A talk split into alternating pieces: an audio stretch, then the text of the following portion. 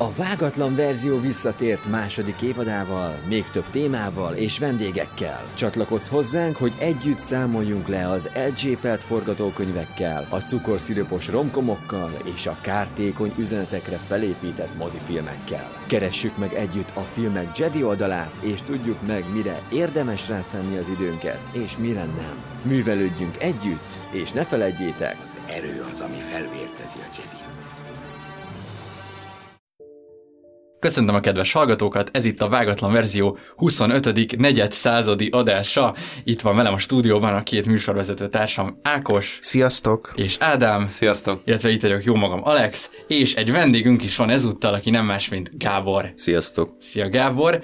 Hát Gábort nem véletlenül hívtuk el, ugyanis ma pilótákról, filmeken megjelenő pilótákról, pilótás filmekről fogunk beszélgetni, és aki vendégünk, az maga is egy pilóta. Úgyhogy Gábor ezért van most nálunk, hogy egy ilyen szakmai betekintést is nyújtson, úgyhogy első körben itt ebben a bevezetőben szeretnénk ilyen kérdezfelelekszerűre venni jobban ezt, és, és Gábor fog mesélni nekünk az élményeiről, hogy milyen pilótának lenni, utána pedig a filmek kapcsán ezt jól még átbeszéljük, de az első kérdésem hozzád, ami ami szerintem így a leg, legfontosabb kérdés lehet egy, egy bármilyen ilyen, ilyen, tényleg ez egy életre szóló projekt, ha valaki pilóta lesz szerintem. Hát igen. És hogy ezt így miért? Tehát, hogy mi az indítatás, mi ez a passzió, honnan jön?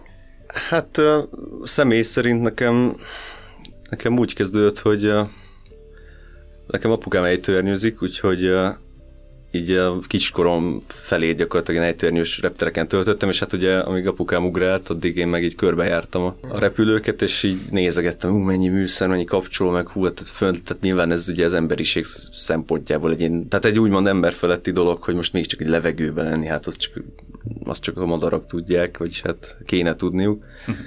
Szóval ezért ugye ez egész neki így a misztikum az így innen, de hogy ez, ez egy olyan dolog volt, ugye nyilván, mint hogy most űrhajós akarok lenni kb. Ez, ez így úgy azt gondolná az ember, hogy oké, okay, oké, okay, kisgyerek nyilván minden kisfiú pilóta akar lenni, vagy űrhajós, de, de hát azért ez gyakorlatban mégse annyira elérhető. Csak aztán szépen, tehát úgy beleástam magam kicsit a témába, egy gimnázium közepén, és akkor úgy rájöttem, hogy van ennek módja itthon is, hogy, hogy hát egészen a légitársasági világig eljusson az ember, hogyha elég kitartó, úgyhogy így, így kerültem végül is ide. Men- mennyi idő, amíg mondjuk az ember pilótává érik, vagy válik? Hány évet kell tanulni? Mi az előmenetelnek a, a folyamata? Mm, Hát, hogyha mondjuk tegyük fel végtelen a pénztárced és, és az időd, akkor, akkor egy ilyen két, két és fél éven belül simán. Mert manapság akkora igény van már így a nagygépes eh, pilótákra, meg hát ugye a nagygépes utasforgalom miatt, növekedése miatt, hogy eh, ezért egy elég jó pozícióval kezdtem én személy szerint, és ö, maga a repült idő az konkrétan nekem egy 145 óra volt, ami nem számít soknak egyáltalán ilyen nagygépes szempontból, de az arra pont elég, hogy megszerezd a kellő papírokat, hogy kereskedelmi szinten ezt te, te csinálhassd, tehát hogy ugye rá, rád lehet bízni embereket. És ezt mennyire érzed amúgy át, hogy így rád vannak bízva emberek? Mert hogy ez így ré- része a munka, tehát hogy, hogy ez így el van választva tőled viszonylag, hogy te csak, én csak egy gépet vezetek, vagy így megvan ez az érzés, hogy mögöttem, akik ülnek, azok így rajtam van az életük, vagy akár az életük egyes helyzetekben. Hát valamilyen szinten megvan, az elején nyilván azért jobban izgultam ezen, Mhm. de tehát mire én oda jutottam, hogy én most embereket, tehát laikus embereket tényleg, aki ott megjött, és akkor jaj, menjünk már nyaralni, miért késünk fél órát, stb. Uh, amíg ők, ilyen embereket uh, tudtam repültetni, az addigra már annyit voltam a levegőben, hogy én már megszoktam, és én, tehát ez szerintem fontos is ebből a szempontból, hogy nyilván, hogy én tudom, hogy nagyjából, hogy mit csinálok, azért ez nem árthat, és Ez megnyugtató, Igen. hogyha valaki fél a repülőtől, akkor Igen, pilóta szóval tudja. ez gyakorlatilag egy ilyen rutinszerűvé vált, és innentől kezdve az, hogyha most valaki fél a repüléstől, annak nyilván mondjuk velem még nem volt ilyen, hogy nekem kellett valakit mondjuk megnyugtatni, de így tudom, tudnám azt mondani, hogy hogy nyugi nem lesz gáz, hát én már csináltam sokszor, hogy ez nem, nem, olyan, nem olyan félelmetes, mint ami ennek elsőnek tűnik. Meg szerintem amúgy egyáltalán nem az, tök izgalmas. És soha nem volt ilyen, hogy valami para helyzet, hogy így nem tudom, akkor volt a vihar, hogy bekavarta a gépet, és akkor így te is úgy érezted, hogy na jó, ez egy kicsit azért félelmetes. Ilyen igazi félelmetes helyzetben még nem nagyon voltam. Volt egyszer egy pesti leszállás, ami időjárás radar az egy kicsit átvágott minket, és így süllyedtünk már a végső megközelítéshez itt Ferihegyen, és akkor egyszer csak így a radarképernyők kirobbantak a piros, meg sárga, meg mindenféle színek, és akkor ott egy ilyen zivatarnak az aljában. Tehát már ilyen kicsit lecsengőbe volt a vihar, de, de így nagyon esett, meg meg azért úgy fújt is a szélt a kapitánytől, át is vette, mert, mert én még úgy nem, nem szállhattam úgy le, hogy így fúj a szél keresztbe, mint az állat. Tehát, hogy én, még a félelem kicsit. témájára csavarodnék rá egy kicsit, hogy ez talán ilyen körkérdésként is menne, hogy, hogy ti hogyan viszonyultok a repüléshez, vagy hogy ki mennyire fél tőle, és hogy ilyen Gábornak így speciálisan, hogy amikor te mondjuk így először repültél, gondolom, akkor ez ilyen gyerekkorra tehető már, hogy neked volt-e olyan élményed, hogy repülni így félelmetes, vagy hogy érezted azt, amit mondjuk talán így a laikusok éreznek először, hogy, hogy, hogy így elveszik a biztonságérzet, nincs kontroll, és hogy ez így kétségbe ejt. Amikor legelőször repültem, az a kisgéppel volt, ha jól emlékszem, szinte egy ilyen ejtőernyős nap után el kellett vinni egy, a, igazából telek másik oldalára a gépet, csak ott volt egy kerítés, úgyhogy így át kellett repülni a pilótának uh-huh. egy ilyen iskolakörrel. És akkor így apukám megkérdezte, hogy akkor öcsémmel beszállhatunk-e. És így beszálltunk, felszálltunk, tök jó volt, néztem, hogy hú, hát most már tök magasan vagyunk, mert hát ugye most nyilván a legmagasabb, amit addig voltam, mint a tizedik emelet. és akkor ugye megvan az a viszonyítás, hogy kb. milyen szögbe látja az ember a, a földet, hogy milyen, milyen messze van egy utcai lámpa teteje, vagy valami de amikor már azok a nagy távolsági vezeték oszlopok is már ilyen kis pálcikák voltak, így akkor így gondoltam, akkor gondoltam bele igazából, hogy hát innen azért nagyot lehetne esni. De így félni nem, nem kifejezetten féltem, öcsém viszont így a, egy kis Cessna repülőgép volt, tehát ilyen három személyes valamit a végén így elég hamar beszűkült, azt láttam, hogy így a, a négy falon a, a négy végtagja, ő, ő, ő, ő, már kicsit, kicsit máshogy élte meg. Illetve voltunk egyszer nyaralni, még szintén ilyen kisebb koromban Egyiptomban, az meg az első nagy gépes élményem volt, az, az meg az meg zseniális volt, tehát tényleg ugye az a gyorsulás, meg tehát amilyen erő egy ilyen nagy gépben van, az, az durva, hogy felhőket is úgy látod, mintha egy centire lennének a tengertől, de közben ugye a földről meg látod, hogy igazából ez egy tök magasan van, és akkor a fölött, tehát hogy az a szédítő magasság, meg sebesség, meg minden, ami egy ilyen nagy géppel jár, ez így elég hamar elvarázsol. Nagyon jó. És ti? Ez izgalmas egyébként, hogy pont azt a pillanatot mondod, amikor begyúlok, és amikor először így meglök hevesen repülni, én azt utálom a legjobban. Tehát én akkor félek a legjobban, amikor így, jó, akkor most már biztos, hogy nincs, tehát hogy most már nem fogunk leszállni, most már el fogunk indulni, fel fogunk repülni. Hát én amúgy mostanában volt, hogy repültem ki Dubrovnikba, és négy gépen mentem, mert hogy úgy volt csak csatlakozás egy Münchenen keresztül, és hát borzasztó volt felleszállni gépekről így egymás után, és így én azt a két pillanatot utálom a legjobban, amikor felszállsz, és amikor leszállsz, mert az a leg, legkritikusabb, vagy nem tudom, mint szakmai, hogy tényleg az a legkritikusabb, de az érződik a legkritikusabbnak nyilván, és, és én akkor mindig így teljesen így, jó, oké, most akkor mindenet lerakom, most akár, akár felkészülök arra, hogy bármi történhet, és amikor már fenn vagyok, akkor már így hozzászokok, szépen lassan vagyok. Ez így meg megvan. És mi volt az első élmény? Az első élmény Görögországban mentünk kiskoromban, de engem, engem akkor sem annyira lenyűgözött, hanem inkább megijedtem, meg tudom, emlékszem, hogy a fülemben volt, a, amikor így bedugul mm. hirtelen, meg így, hát én, én féltem, bevallom őszintén. Hát azért nem, nem egy, nem egy nem egy hétköznapi élmény. Meg nem egy természetes közeg. Tehát igen, igen, és nekem is ez volt, hogy... Szűk csőbe ott ülsz. Két éve repültem szerintem először, két éve vagy három éve, és az volt a utolsó is, mert hogy Milánóba meg vissza, azóta nem ültem repülőgépen, és akkor az volt az élményem, hogy, hogy a legtöbb közlekedés, sőt igazából az összes közlekedés valamilyen rögzített pályán történik, mert még az autó is ugye autóutakon közlekedik, úgyhogy így megvan az, hogy ilyen milyen keretek között mész és merre. Igen. És egyszerűen így a repülőgép az, egy, az így kilép ebből a, a térből, és egy ilyen teljesen új térbe helyezve téged, és engem igazából az nyűgözött le. Én azt hittem, hogy nagyon fogok félni, de úgy nem féltem egyáltalán, mert egyszerűen így elveszettem azt a realitásérzetet, hogy, hogy láttam lenne a földeket, de így egyszerűen nem, nem, nem, nem, nem tudta olyan feldolgozni azt, hogy ilyen rohadt magasan vagyunk. Úgyhogy igazából miatt így ezt így, ja, hát ez egy ilyen hely, ahol így most így utazunk, de amúgy, amúgy kicsit volt egy olyan élményem, hogy eszméletlen az emberi technológia, meg, meg, meg ez az egész, hogy, hogy egy ilyen konzervdobozva kvázi utazunk, nem tudom, mennyivel megy egy repülőgép? Széltől függ, de földhöz képest volt, hogy én már mentem ezerrel, tehát hogy így... Tehát, hogy azért egy elég jelentős sebességgel, és így, és így nem is érzed igazán, hogy ez, ez mekkora dolog, de közben meg az a, nem tudom, az a vékony filmlemez választ el attól, hogy így lezúlj a gecibe, vagy éppen nem tudom, így megfulladj, vagy nem tudom.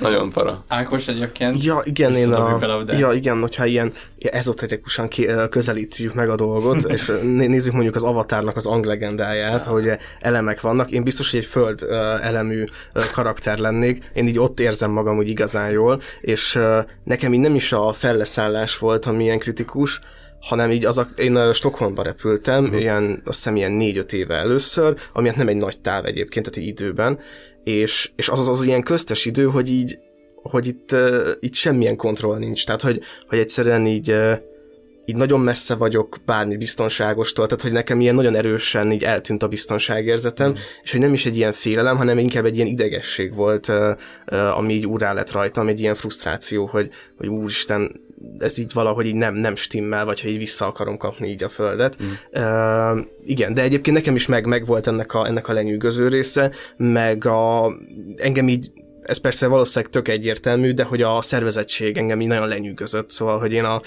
nem tudom, Nyíregyháza Budapest vonat úthoz voltam szokva, és hogy azért így ahhoz képest így minden baromi jól így le van szervezve, ráadásul én olyan helyen ültem először, ahol ilyen a, az a vízkiárat van, és, és akkor ilyen tök kedvesen, meg ilyen nagyon türelmesen így elmagyarázták, hogy így mit kell majd csinálnom. Én ilyen falfehéren így ültem, hogy oké, oké, oké, de, de ja, szóval ilyen, ilyen tök, tök jól szervezett, meg ilyen. ilyen Erre a harcosok klubja jutott, de szóval a vízkiárat 2000 méteren. ja, igen, igen. A biztonság illúziója. Igen, úgyhogy, úgyhogy ez ilyen. Igen, de egyébként nekem az jutott eszembe, hogy te mondtad az előbb a, az autópályákat, de hogy a repülőnek is megvannak egyébként, csak nem látjuk. Jó, igen, de, igen, hogy de, nekik de, is Jó, de az, tehát most, ha úgy veszed, azért a kocsinak megvan a, a Igen. amibe kapaszkodjon. Ez igaz. az ugye ott, Igen, csak hogy, hogy a légi folyosó. igen, a légi folyosó, az, az mennyire amúgy tartott, tehát hogy ez egy ilyen, úgy kell elkezdeni, mint tényleg egy csövet, hogy így ezen végig kell menni, és akkor vagy, vagy ebből azért vannak így kitérése, vagy nem tudom, hogy hát lehet um, Hogy milyen széles egy mondjuk egy ilyen... igen, erre is, ez is jó kérdés. öt tengeri mérföld mindkét irányba, hogy pontos legyek, de, de ez a légi folyosó egyébként, ez nyilván egy forgalom management rendszer, amit hát régi, ez úgy nézett ki régen, hogy egy földi adók alapján. Földi, egy olyan földi adó, aminek minden egyes fokra, ugye 360 fokban van iránya, és akkor azokat követték régen a repülők. Ez ma, ma már kicsit felturbozták ezt a GPS alapú pontokat, tehát a virtuális, viszont ugye mégsem közvet, tehát mégse légvonalba mentél arra, merre szeretnél, hanem úgy, úgy el kellett szépen szalomozni. Úgyhogy ma már ez egyébként, főleg ugye a GPS technológia miatt, ez már átalakult nagygépesen is, főleg most Magyarországon van ez a Free Route Airspace-nek hívják, hogy csak pár fix pont van, és akkor azokat kell összekötnöd, de amúgy meg arra mész, amerre akarsz. Viszont a légifolyosókról is el lehet térni, nyilván, hogyha jön valami nagy zivatar, akkor meg lehet kérni az irányítót, hogy ezt hadd kerüljük már ki, mert az zivatar az ott nem játék, tehát hogy ez, az szét tudja törni a repülőt konkrétan. Tehát, hogy, hogy Ja, igen, még, még itt az, az oktatás részére a dolognak, ugye egy mondtad, hogy, hogy ez így nagyjából mennyi idő. Én amit így filmekben láttam, hogy van ö, pilóta, másodpilóta, vagy első tiszt, nem tudom pontosan, hogy van, és hogy ez egy ilyen képzési rendszer, hogy neked x ideig mondjuk els, ö, első tisztnek kell lenned, hogy aztán mondjuk pilóta legyél, vagy így lehetsz bármelyik így egyből. Hát ö, ugye most ma már azért nagy részt két pilóta kell egy repülőhöz, tehát régen még három, meg még régebben még annál is több ember kellett. Volt egy ember, aki például külön a rádiót kezelte, meg ilyenek, tehát hogy volt, hogy öt fős volt a legénység, hogy rádiós, navigátor, meg mérnök, ugye, aki teljesítmény, meg mindenféle izért felett, meg ugye a két ember, aki konkrétan irányítgatta szépen a repülőt. Tisztán, mint pandemikben, amikor kiúzod a hangásokat, és van egy csapat, mérnök, Igen. rádiós. Egy konkrétan. Ja. És, és ugye ma már annyi számítógép van, meg annyi olyan, olyan rendszerek vannak repülőben, hogy most már két pilóta tökéletesen elég, sőt, még nekik is kevesebbet kell úgymond dolgozni, mint régen az öt embernek. Ezért, hogyha valaki olyan nagy gépre kerül, ő már nyilván csak első tiszt lehet, mert ment egy repülős szempontból. Viszont, tehát az első tiszt az a köznyelven másodpilóta, ő pontosan ugyanannyira tudja vezetni a repülőt, um, csak hát nem olyan tapasztalt, mint mondjuk egy kapitány, és a kapitány felelős a repülőért. Tehát ővé a végső szó, és ővé minden felelősség. Például, hogyha mondjuk van egy rossz idő, és akkor ott kell körözni a reptér körül, nem tudunk leszállni, akkor ő mondja meg, hogy na jó, akkor még várunk 5 percet, és akkor utána akármi van, akkor már megyünk a mit tudom, hogyha mondjuk Bu- Budapestnél maradnánk, maradnánk, akkor, akkor megyünk Pozsonyba kitérőre, mert hogy nem jó az idő. Tehát ilyenekbe a kapitány dönt. Meg most én személy szerint még ilyen abszolút kezdőként azért így nem, nem sok, tehát azért inkább mindig megkérdezem a kapitányt, hogy most ebb- ezzel egyetértesz, ez így jó lesz neked, hogy nem, nem akarok ilyen önálló gondolatokat. De hát igen, ez, ez is szép, hogy itt gyakorlatilag két ember vezet egy járművet. Ez egy olyan, hogy te most az egy a kocsiban mondjuk te tekernéd Ákos a kormányt, te meg a hát nem meg mondjuk a gázpedált, meg a féket, Alex meg a kuplung, meg a váltó, és akkor így és akkor ezt így összehangolni, hogy na most akkor ne vesszetek össze, meg tudjátok, mit akar a másik. Szóval ez, ez, a, ez az érdemben a, a, az, ami miatt két ember kell. De a kezdeni például első tisztként kezdtem én Aha, aha. nagy gépen. Oké. Hogy meghagyjak egy végső választ is. és akkor onnan idővel szépen föl lehet, meg kell pályázni, hogy már, már ilyen pár ezer órával, hogy, hogy akkor ö, szeretnék kapitány lenni, és akkor ők megvizsgálják, és hogyha alkalmasnak találnak, akkor kiképeznek. Aha, aha. És mennyire alakulnak ilyen, ilyen barátságok, vagy így ilyen összenőtt ilyen, ilyen párok így kapitány első tiszt viszonylatban, hogy így akkor ők nem tudom, már így együtt repülnek, nem tudom, tíz éve. Mondjuk gondolom valaki feljebb fog lépni, úgyhogy Hát, most ezt úgy érted, hogy, hogy mennyire ugyanazzal repül? igen, igen, mennyire ugyanazzal repülsz, vagy így mennyire, nem tudom, tartott velük, nem tudom, a repülésen kívül is a kapcsolatot, Mhm. vagy Hát um, én, ha jól tudom, ez, én is csak hallottam, hogy Malévnál voltak ilyenek, hogy egy, egy pár vitte mindig, tehát hogy igyekeztek úgy összeszoktatni embereket. Ennek az a veszélye, hogy hogyha van egy nagy céges előírás, hogy akkor ezt most mit, hogy kell, hogy kell üzemeltetni a repülőt, amit a hatóság szabályol, bírál el, tehát hogy ez egy nagyon szigorú rendszer, akkor, hogyha mondjuk már tíz éve ugyanaz az emberre repülsz, akkor meg, tud, meg tudsz, tehát ugye mm, ilyen evolúciós pályára lép az egész, és Aha. akkor ilyen kis, jó, akkor ezen túl nem kell ezt végigmondani, meg minden, és ez ilyen elég veszélyes dolog. Nálunk most, tehát én egy fapados légitársaságnál vagyok, nálunk vannak bázisok, tehát nem feltétlen csak egy helyről, mint mondjuk egy nemzeti légitársaság, és akkor a bázison belül van egy személyzet, aki ahhoz tartozik, és akkor azon belül ki- kivel hányszor repülök, azt tervezők döntik el, ugye beosztás tervezők. De mondjuk azt, hogy munkán kívül én úgy vettem észre, hogy azért úgy összejárogatnak ott, ahol most vagyok, de, de még nem, nem olyan rég vagyok ott egyébként, hogy ez, ebben mondjuk én is benne legyek, de uh láttam, azért úgy vannak ilyen kisebb-nagyobb iszolgatások Aha. például. Csak hogy a bázison belül van egy ilyen köz, kis közösségi feeling, hogy tudom, megvannak a szokások, hogy amik így, vagy mindenki nem tudom, beceneve van, most mit tudom, Ja, ilyen, mi, Nice. Az Alex készül a Top Gun. Én, igen, én már a Top Gun-ról akarok beszélni valójában. De akkor nincs ilyen, vagy? Hát nem, nem, nem ludozzuk egymásnak semmi ilyen. De kár, de kár. Legalábbis mi, ezt lehet, hogy... Mhm. De nyilván hatalmas egyéniségek is vannak egyébként, de amúgy én azt vettem észre, hogy tehát mindenféle, tehát mindenféle ilyen úgymond, hogy hát nem társadalmi réteg, hanem ez az ilyen, de vannak a kockák, meg vannak Mhm. a aki a, mit a kond, kondisok, meg, tehát hogy mind, mindenféle egyén megfordul ott ezen, azon kívül. Tehát most oké, okay, vagyunk a pilóták, de azon belül tényleg így ugyanaz, mint mondjuk egy osztályban. Tehát így, És van ami ilyen nagyon fontos tulajdonság egy, egy pilótának, szóval mondjuk így az nem menjen pilótának, aki mondjuk nem magabiztos, vagy nem, nem tudom, nem, nem tud döntéseket hozni, vagy inkább irányító típus, vagy pont, hogy nem irányító típus, vagy inkább bárkiből lehet pilóta, aki szeret repülni. Hát ha szeret repülni, meg, meg nyilván kitartó, de szerintem az nem ennyien pilótánk, aki aki nem, nem elég elhivatott, tehát nem tudná, ha most megkérdezni magától, hogy hogy ő kibírná-e azt, hogy mondjuk nem otthon karácsonyozik, vagy nem otthon szilveszterezik, vagy mondjuk nem látja a szeretteit, mit tudom én, hetekig, és ha erre így zsigerből az jön, hogy ez, ez így nem lenne neki kényelmes, akkor inkább ne. Mert, mert előbb-utóbb ide, ide lyukadunk ki. Kemény. Akkor a szabadság az nem valami rugalmas, azt, azt, azt így lehet mondani. Hát, ja, mondjuk, tehát én még úgy vagyok vele, hogy most még így a létre alján kicsit úgy még ezt ugye nyilván el kell, hát nem is el kell viselni, nem így, nem így mondanám, hanem ugye hát ez van, nyilván uh-huh. mindenki kezdi valahol. Aztán majd kitapasztalom meg, hogy így a vérkeringésbe bejutok. De egyébként engem ez, ez a létre érdekel, hogy itt mi a, mi a pilóta hierarchia, vagy, vagy így hova lehet eljutni a legtetején, aki így, nem tudom, mit, mit neveznél egy ilyen nagyon domin, hierarchia, hi- hierarchia domináns pilótának, tehát ki az, aki így nagyon sokat repült, vagy aki már nagyon... Hát igen, mondjuk aki, mit tudom én, 15 éves kor óta vitorlázott, és akkor utána megcsinálta, a, tehát végigjárt ezt a hagyományos, úgymond hagyományos utat, hogy 15 éves korától vitorlázott, aztán meg kisgép, aztán meg aztán meg nagygép, aztán meg kapitány, aztán meg oktatókapitány, és akkor ugye... Erre vagyok kíváncsi, igen.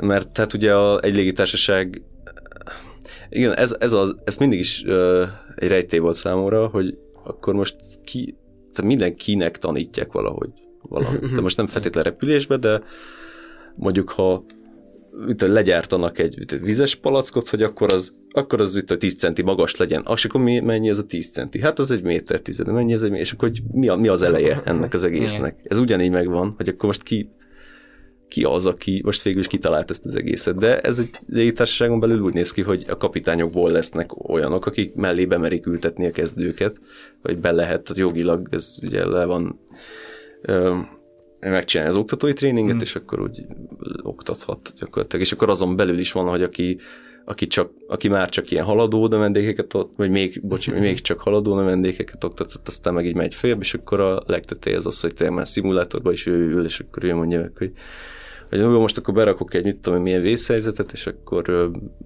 ez meg az, és így nyilván van egy ilyen training department, tehát ugye az oktató részlege a cégnek, és akkor ugye azon belül is lehet lépkedni fölfelé. Talán ezt mondanám, hogy így- Le, van, van különbség mondjuk az ilyen kontinentális járat, meg transzkontinentális járatok pilótái között ment, úgyhogy az egyik amúgy felnézze mondjuk a transzkontinentális, hogy ők mondjuk nem tudom, repülnek tizen pár órákat, és hogy ők nem tudom, lehet akkor gondolom ők magasabb érezésben is vannak esetleg. És hogy vagy van, hogy hát, az, a, az a legteteje a, a pilóta ságnak, hogy, hogy már kontinensen átívelő repülőutakat válasz, vagy igazából nincs ilyen, ilyen, ilyen irigykedés az egyik meg a másik között. irigykedés csak szerintem akkor lehet, hogyha mondjuk attól függ kinek mi az igénye. Vagy, vagy mondjuk így most- felnézés, vagy tehát van-e, van, van a kettő között mondjuk valami rangbeli különbség. Igen. Így, a- vagy így legalábbis a pilóta szemmel.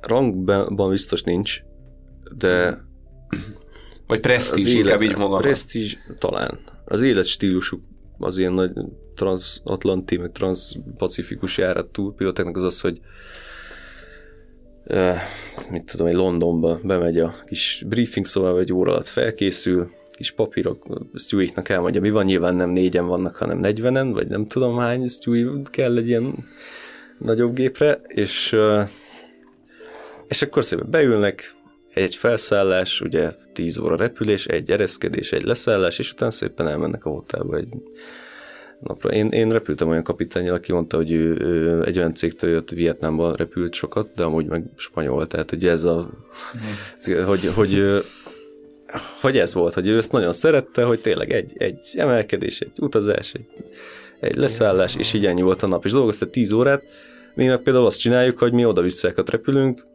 mindig a bázisunkra érkezünk, van, hogy négyet is, tehát hogy két városba is így eljuttatunk embereket meg vissza, és gyakorlatilag a munkaidőnk még gyakorlatilag több is, de ugye ott ugyanoda érkeztünk vissza. Most akinek, aki otthonra repül, annak ez rohadt kényelmes, mert mindig hazaér, ugye, hogyha van családja. De azért, ja igen, ezt akartam mondani, hogy tényleg azt hiszem, Alex, te mondtad ezt a felszállás, a kritikus részt. Ja, hogy- igen, igen, igen. hogy, hogy hát tényleg ezek a kritikus részek, Mhm. és uh, ugye fejben egy nagyon-nagyon fárasztó, hogy ilyen, ahogy minél lejjebb vagy, ugye annál ugye földközelség miatt is, meg hogyha mondjuk az reptérnek nagy érkező forgalma, ott már ugye elég, tehát közelednek egymáshoz a gépek, Aha, lassulnak is, igen. de közelednek, és akkor ott nagyon nem mindegy, hogy hát ott nagyon észnél kell lenni. Hmm. És az nagyon le tudja fárasztani az embert, ha ilyenből napi négyet megcsinál. Négyet, négyet. Mint hogyha csak egyet, és akkor, és akkor meg föntölti az ideje nagy részét.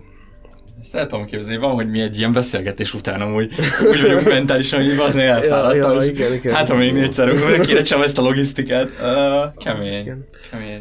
Meg Ádám, azt hiszem, te mondtad a, ezt a más világot, hogy... Igen, igen, igen. Hogy, ez egy kicsit olyan, ilyen, olyan igen. fönn, mint hogyha így nem tudom, az ember így kiszakadna a, a saját dimenziójába, és fel se tudja dolgozni azt, hogy így lent az, mi az a távolság, hanem így uh-huh, uh-huh.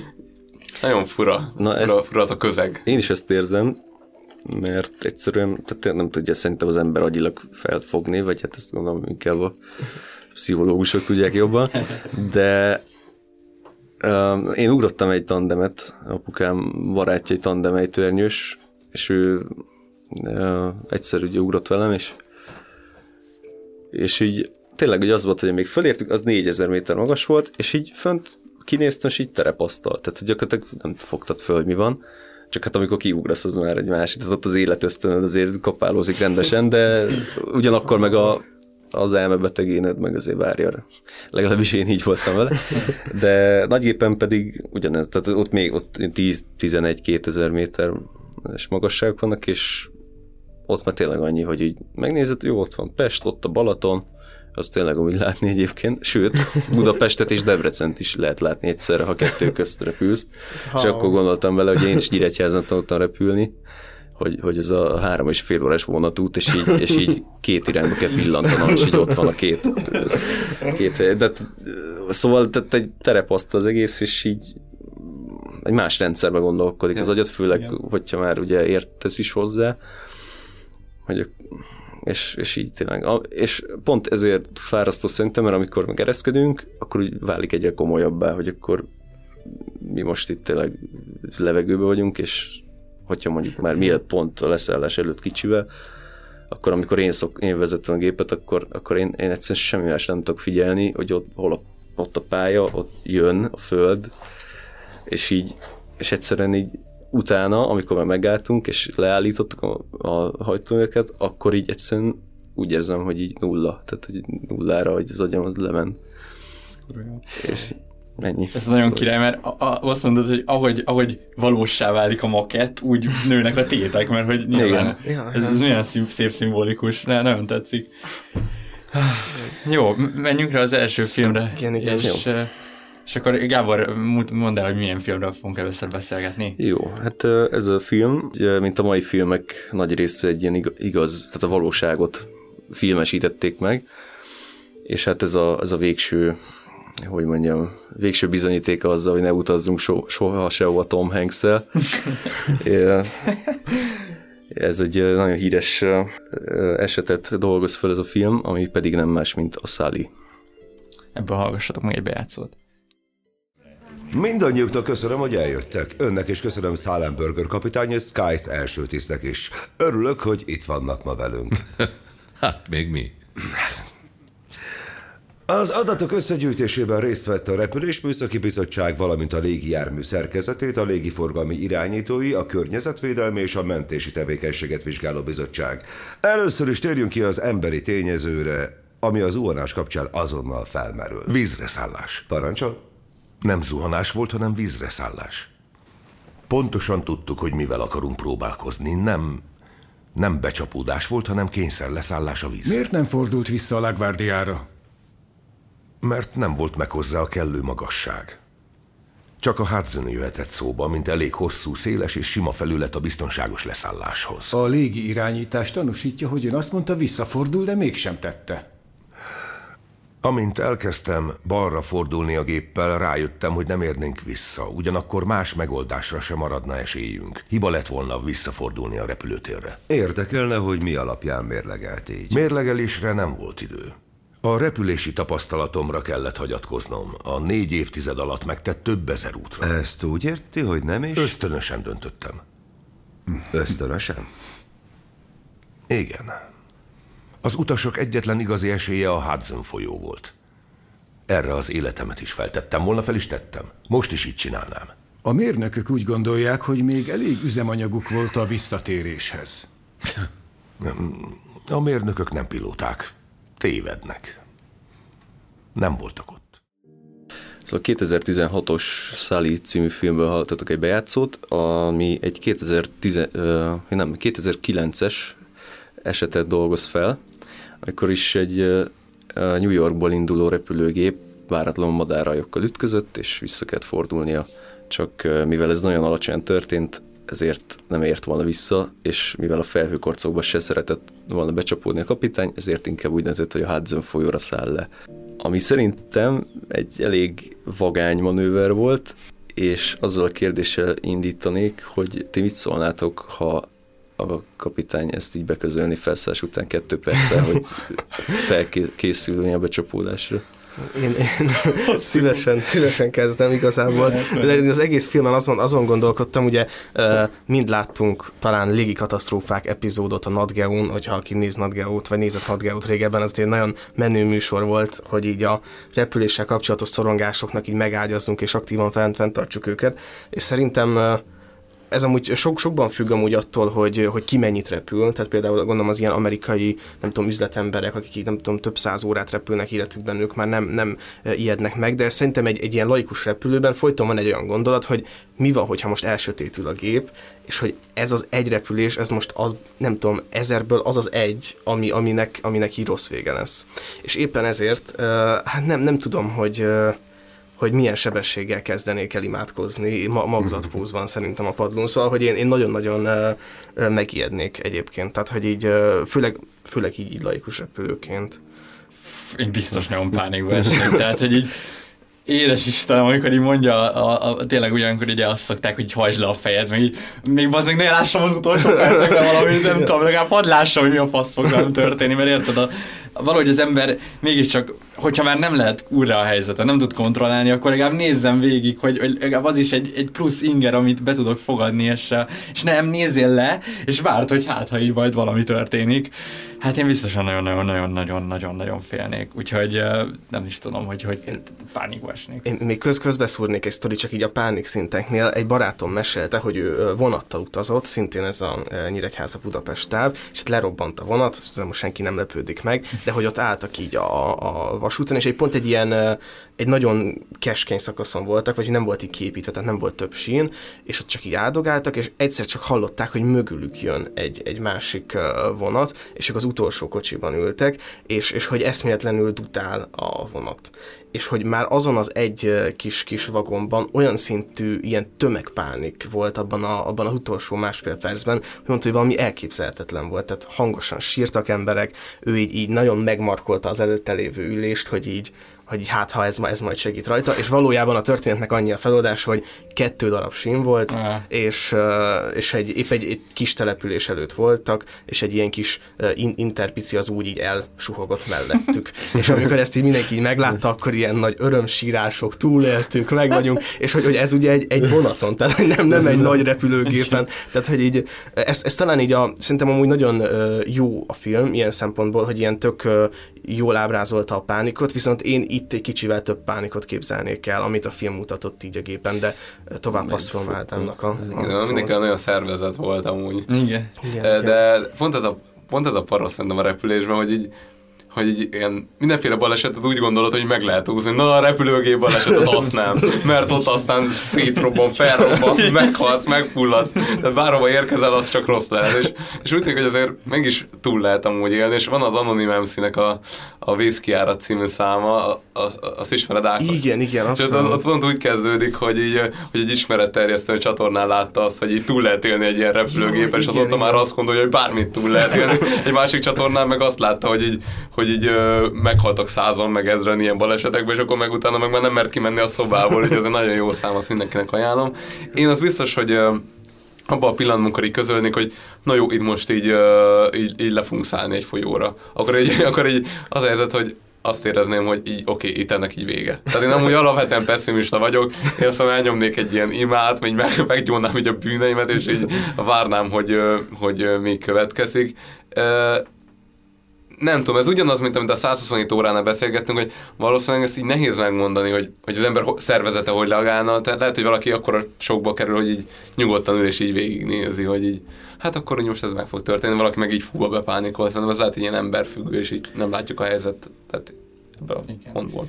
És még Gábor, én visszadobom akkor a kérdést, de úgy, hogy te melyik oldallal azonosulnál jobban, hogy ezt a sztorit nézve melyiket? Tehát, hogy te inkább a pilóta felelősségét érz, érzed nagyod, nagyobb személyes tehernek abban a pillanatban, amikor nézed ezt a jelenetet, vagy pedig a, a pániká, pánikját az utazóknak?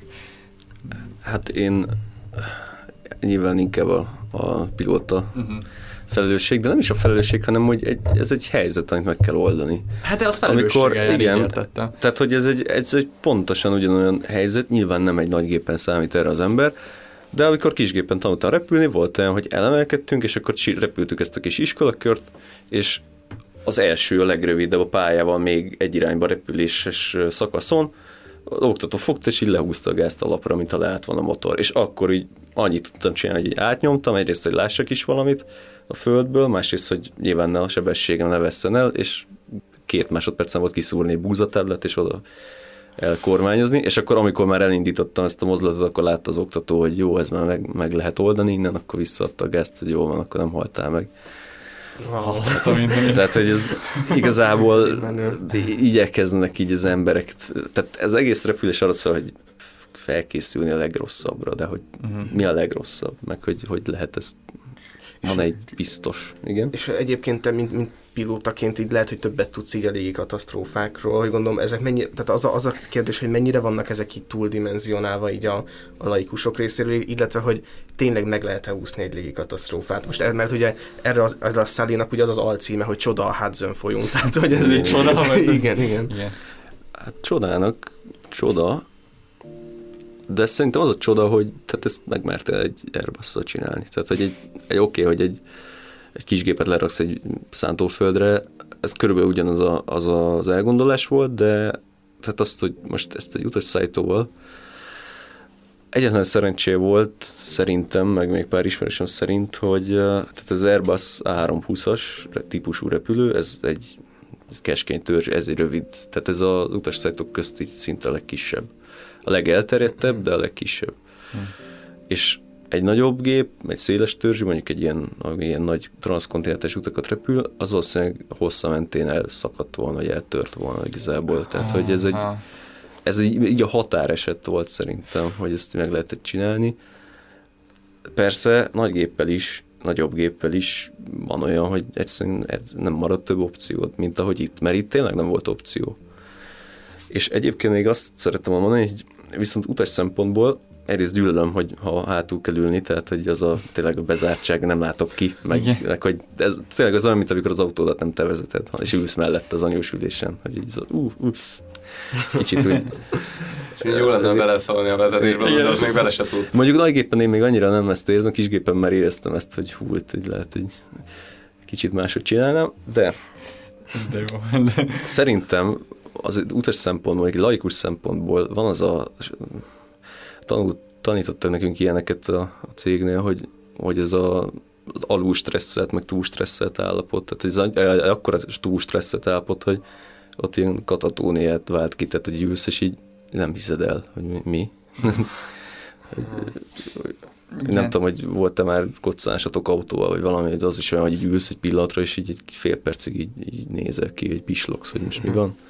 Ja. És így ez, ez simán lehet, hogy nyilván a film ez nagyon elnyújtott ezt az egész siklást, tehát ez a 280 valány másodperc, nem tudom mi volt ez az egész, sokkal többnek érződött így a bevágott jelentek uh-huh. során, tehát szerintem az utasoknak idejük se volt, meg ugye itt jön képbe az utaskísérőknek a képzettsége, hogy nyilván ők azonnal a konkrét parancsokat ordibálva, hogy csak bírták, elkezdtek igen. És ugye ekkor jut az ember eszébe, hogy jól lett volna figyelni a tájékoztatón. Igen, ez nagyon fontos egyébként, és szerintem Szóval ez, ez egy emberi kérdés, hogy, hogy miért, nem, miért nem mutatott akkor a pánikot a film, vagy ki tudja, lehet, hogy nem is volt akkor a pánik, hogy, hogy miért ilyen szervezetten viselkedik mindenki, hogy szerintem ez a repülő megteremti ennek a, a, a bázisát azzal, hogy minden nagyon protokollszerű, minden érzete is, hogy egy protokoll része vagy, hogy te is egy fogaskerék vagy, mert úgy, úgy kell viselkedned, úgy kell uh, folyamatosan felügyelve vagy, ott járnak körbe a stewardessek folyton, tegye el a mobilját, te hajtsa fel, és hogy egyszerűen annyira rákondicionálnak arra, hogy te követed most az utasításokat, hogy én tökre tudom képzelni, hogy itt egy teljesen más ilyen tér, tér, tudati tér van, ahol te egy ilyen fogaskerék vagy kvázi, és hogy ettől tud ilyen jól működni Ja, talán. lenne egy ilyen kérdésem, és hogy megint ide citálom a, ma ünnepli ö, 20 éves évfordulóját a Harcosok klubja, amiben, amiben azt, azt mondták, hogy az oxigén az csak arra van, hogy az utasok bekábuljanak és uh, nyugodtan reagáljanak erre az egész zuhanós dologra. Ez, ez valóban így van? Ez így valid? Kétlem. Azt hiszem, hogy az- azért van, hogy ez tényleg kiüti őket egy kicsit, hogy így... ö, Hát az oxigén élettani hatásai, hát az, az maga az élet, nem? De az egy, hát, hogy Igen, csak hogy mondjuk egy ilyen nagy adagba így gyorsan uh, gondol... az azért a nagy adagban, mert ez úgy van tervezve, nem akarok nagyon én műszaki, vagy hát nem tudom, szóval Mehet, mehet. Ö, Szóval ez úgy van tervezve, hogy nyilván ott 10 ezer méteren a nyomás az nyilván a békasegge alatt van. És ugye parciális nyomásról beszélünk, annak kell meglennie. Ha az nincs meg, akkor ugye nem jut elég oxigén szervezetedbe, és ezért úgy helyettesítik, hogy egy tömény oxigént visznek be.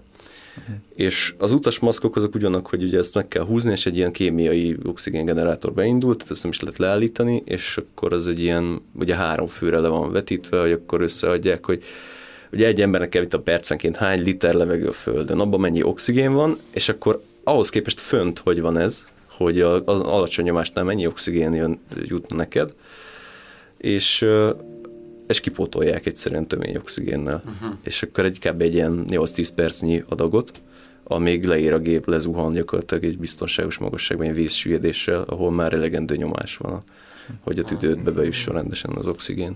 Én mondok egy másik konteót, és ezt meg akarom kérdezni, hogy tényleg csak azért kell lehajtani a fejed, hogy a fogaid biztonságban maradjanak és azonosítani tudjanak? Vagy ennek van egy bármilyen biztonsági sikere, hogy te lehajtod a fejed? Mi, mi, mi ezt Ezt nem, hallottam, a ezt nem hallottam még. Én ezt- Valami olyasmit olvastam, Ez hogy nagyon király ez a. Ez ez az- én meg, egy, én meg egy olyan konteót hallottam, hogy azért, mert hogyha az előz, előtte lévő ülésbe becsapódsz, akkor törjen el a nyakad, mert hogyha meghalsz, akkor kevesebbet kell érted. De ez, ez, ez, Nagyon jók, nagyon Ezek jók. nagyon jók, igen. igen, a valóságban én azt gyanítom, hogy azért találták ki ezt a pozíciót, mert hát a repülőgép az nem úgy ütközik, mint egy autó. Tehát, hogy ő a, nem tudom mennyire figyeltétek, a folyó fölött ő azért már azért nagyjából függőlegesen esett rá a vízre. Volt benne nyilván nagy sebesség vízszintesen is, de egy adott sebesség alatt az a 70 tonna, az egyszerűen nem tud fönnmaradni. Uh-huh. És ugye megy előre még akár 150-60-nal is, előrefele, viszont akkor már szépen elkezdi veszíteni a magasságából, és egyszerűen elindul lefelé. Tehát gyakorlatilag a hasára csapódik, és szerintem az, hogy a, a gerinced abban ne törjön bele, én ezt gyanítom.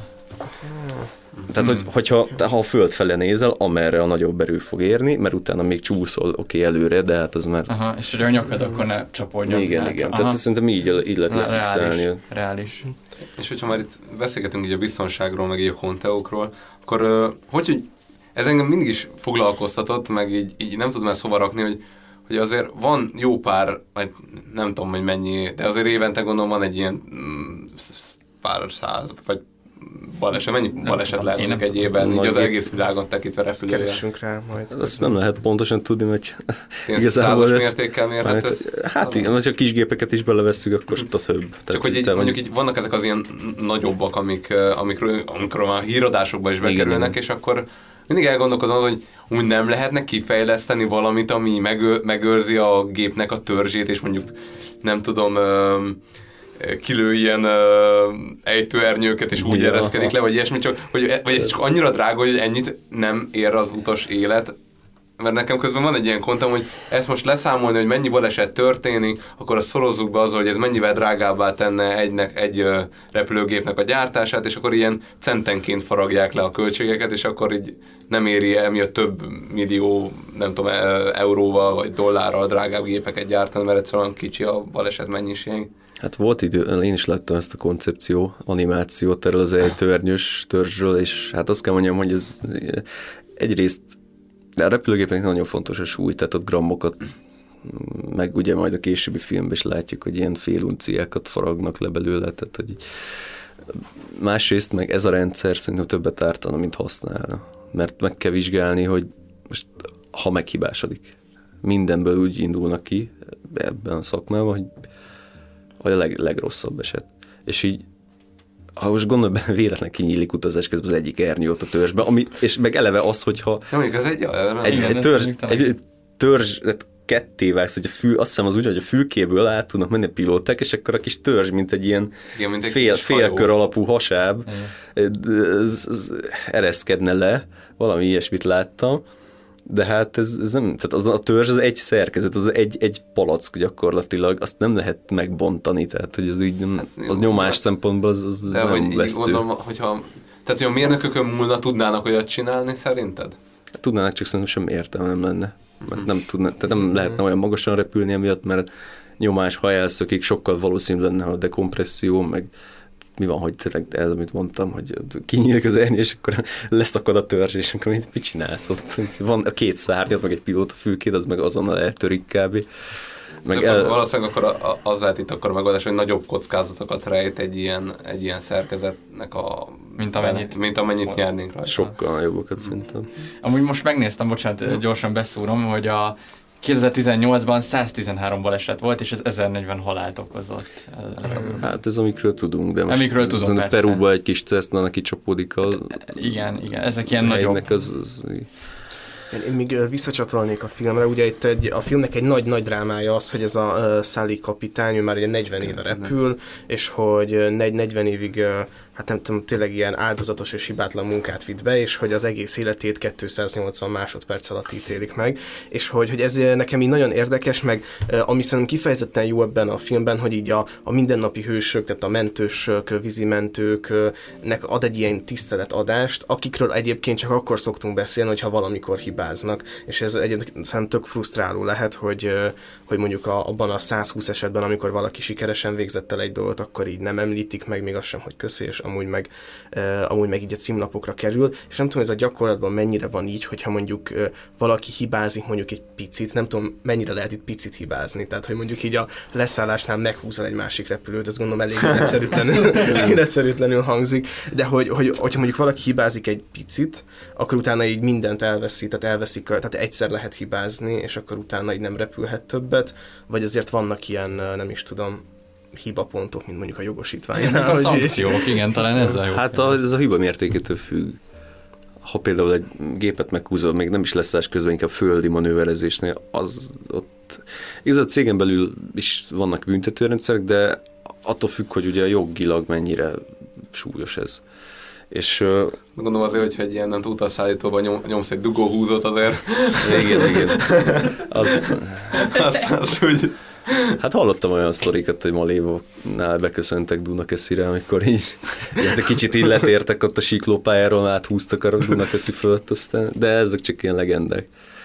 De amúgy amióta ezt így már, már ugye nagy év felé igyekeztem az elejétől kezdve orientálódni, és amióta, ahogy jobban bele mentem, tanultam, vizsgáztam bizonyos elméletből, gyakorlatból, el kellett jönnöm, hogy úgy vannak megalkotva ezek a szabályok, azért olyan rohadt szigorúak, hogyha mondjuk valaki egy ilyen közepesen mm, közepes méretűt hibázik, akkor azzal még semmi baj legyen. Vagy aki a világát nem tudja, csak mit bemagolta és levizsgázott, a Stréber arhetipus, vagy, vagy Köszi. Ez, az, örülünk a szavaknak. akkor, akkor az, tehát, hogy aki csak úgy tényleg robotszerűen nyomkodja a gombokat, és semmit nem, és a normál üzemben, mit tudom én, egy másik kapcsolat fordít el, akkor ha még a másik észreveszi valami, az ne legyen nagy baj. Aha. Tehát, hogy ezek így vannak azért olyan rohadt szigorúak, azért lehet 50-nel menni hivatalosan a városba is kocsival, mert tudják, hogy mindenki 60-nal fog menni. Tehát ez, az, ez a törvény, én ö, hát felvéltem fedezni, de azért nyilván sokkal szigorúbb mértékben. Viszont itt, ami ugye Szalival gond volt, hogy tehát rengetegen mondták, főleg még a képzésem elején, hogyha minden szabályt be akarsz tartani, akkor nem szállsz föl. Mert, mert igen, nem lehet. Hogy most akkor mindenkinek jó legyen. Hogy mindenki, minden szempontból legális legyen, vagy hogy mondjam. Hogyha tényleg valaki nagyon szőrözni akar. Illetve a másik, hogy ha vészhelyzetben nincs szabály. Ez, ennek ő tökéletesen, tehát ő, Szali ilyen szempontból a, tökéletesen azt cselekedte, ami tőle elvárt, mint kapitány, hogy mérlegelt a helyzetet, és arra jutott, hogy itt most nincs szabály, én most bemondom az irányítónak, hogy, hogy én most le fogok szállni a folyóra, te, és akkor ezzel az irányítóra bízta, hogy ő megtegyen meg mindent azért, hogy, ja, hogy el, elhessegette körülötte a repülőket, meg ugye mindenkit ráállított, hogy szóval gyakorlatilag ez tehát ez szakszerűen járt el, mondhatjuk. Amiért elővették, hogy az az volt, hogy oké, okay, a prioritás nyilván az ember élet, viszont a következő meg az, hogy akkor minimalizálni a károkat.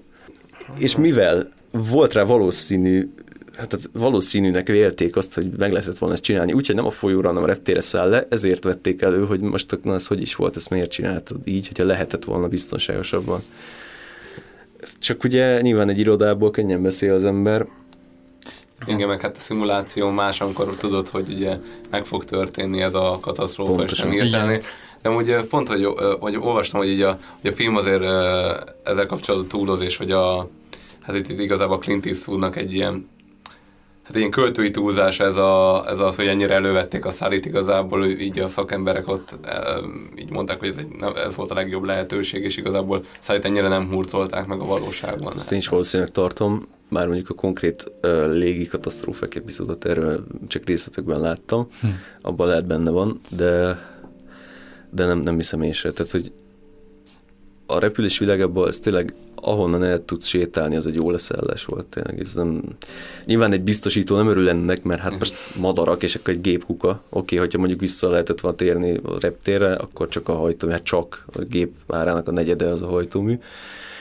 Ö, és hát, hogy emiatt emiatt lehetett egy kis súrlódás talán, de tehát, hogy úgy nézzük, tényleg mindenféleképpen legjobbat választotta, hiszen Igen. hogyha mondjuk nem sikerül leszállni a, vissza a kiindulási pontra, akkor hát akkor hát New York nem az a nagy terekről híre, híres fákról híres környék, Igen. és azért úgy, hát nem tudod nagyon olyan helyre lerakni, hogy ne okozzál egy ilyen nagyobb tömegkatasztrófát, tehát hogy akkor így, mégis, hogyha ha el is rontottad volna a Hudsonöset, akkor akkor max az utasok vesznek oda max. Most ez nagyon rossz, rosszul hangzik, nem? Igen. Hát igen, igen. A, amit hozzá akarok fűzni, hogy mondtad az előbb, hogy a Szelim mérlegelt és eldöntötte, hogy ez jó lesz, de hogy a bejátszóba pont mondja, hogy nem is mérlegelt, hanem egyszerűen hagyta, hogy az a, az a tapasztalat, ami őt odáig elvezette, hogy mert több ezer órát... A szita. Igen, a szita, ezt akartam mondani ebből, hogy, hogy, hogy, az, hogy, az, hogy azt hagyta, hogy eluralkodjon rajta, és hogy tökre izgalmas, hogy például ugye vannak ezek a ma már neurális hálózatok, amik működnek, és ugye azokat úgy tanítják, hogy nagyon sok esetet látnak valamiből, és a neurális hálózatok már úgy oldanak meg problémákat.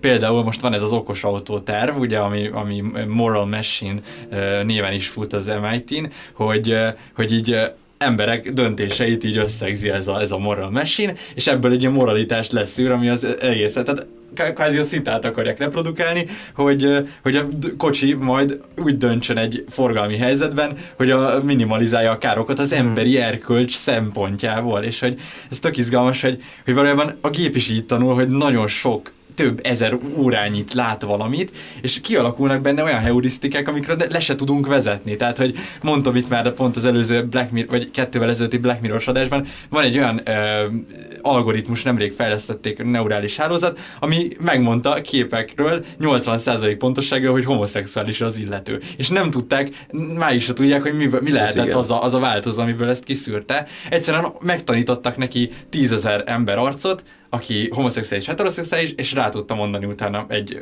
új emberre. Szép. És mi nem tudjuk, hogy mit. És hogy valószínűleg ez van itt is, hogy, hogy egyszerűen mi bele se láthatunk, hogy mi, mi alapján hozta meg Sally ezt a döntést, hanem benne ez a több ezer órányi tapasztalat, ez valami ösztönszerű intuitív cselekvést váltott ki, és nekem ez nagyon gyönyörű ebben a filmben, és szerintem a Clint Eastwood is ebben akart gyönyörködni, meg úgy az egész hősiességben, szóval, hogy én, én értem, hogy ő miért túlozta el ezt az egész történetet, mert be akartam mutatni, hogy hát társadalom így reagál a hősökre, de hát a, igen, de hát a hősök...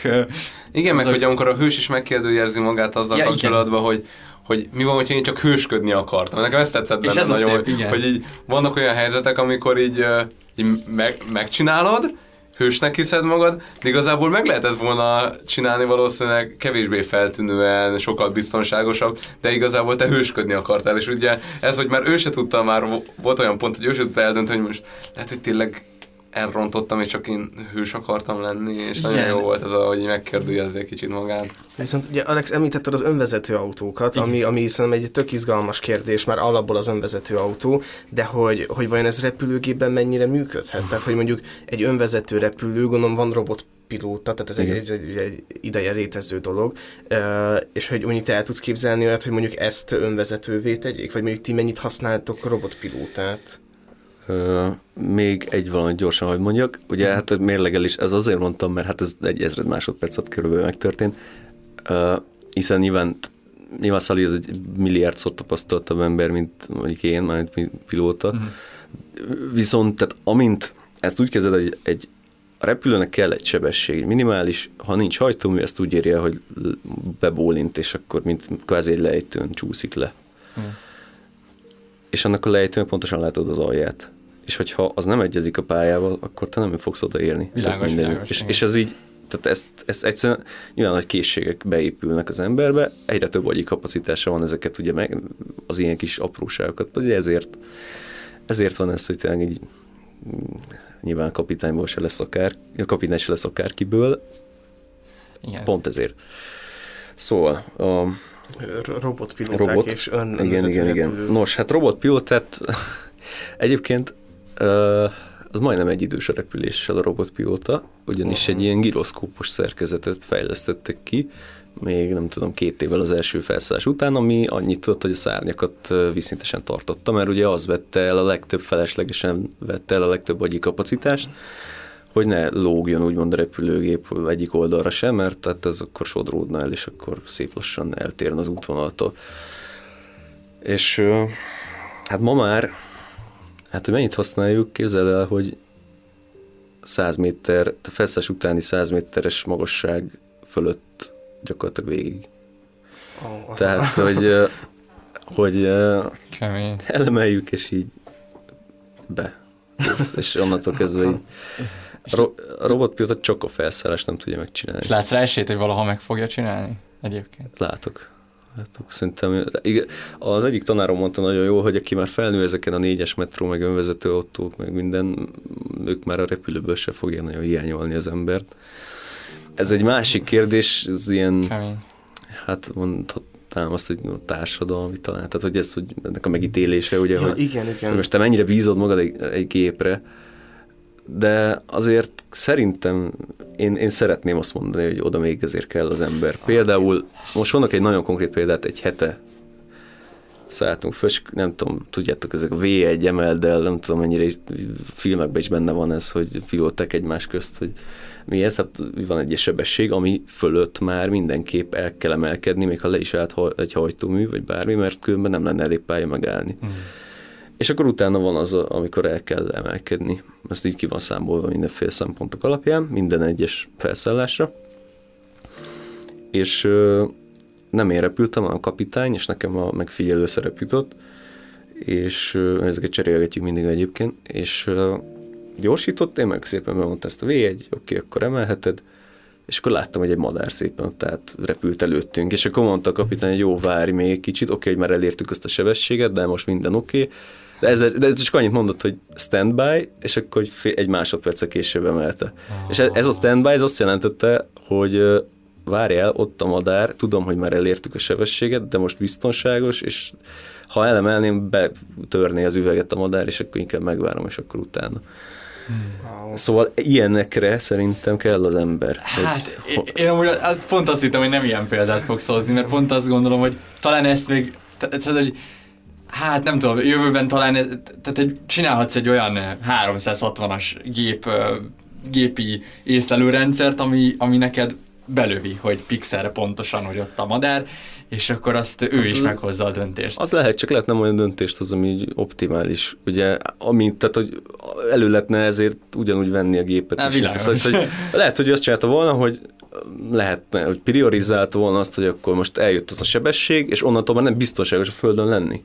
Uh-huh. Mert hogyha ott Igen. kapsz be valami, tehát hogy akkor onnantól kezdve minél magasabbra kell minél hamarabb jutni, hát, mert ugye a repülő az magasságból épít sebességet, hogyha el, elveszti. El, csak, csak ugye a neurális a... hálózat ezt küszöböli ki azzal, Aha. hogy ugye instanciákat, tehát hogy ő, uh-huh. ő, ő, ő egy szimulátorban mondjuk lefuttat tízezer, olyan, mintha te tízezer órát vezetnél, csak ő ezt egy másodperc alatt már meg is csinálta.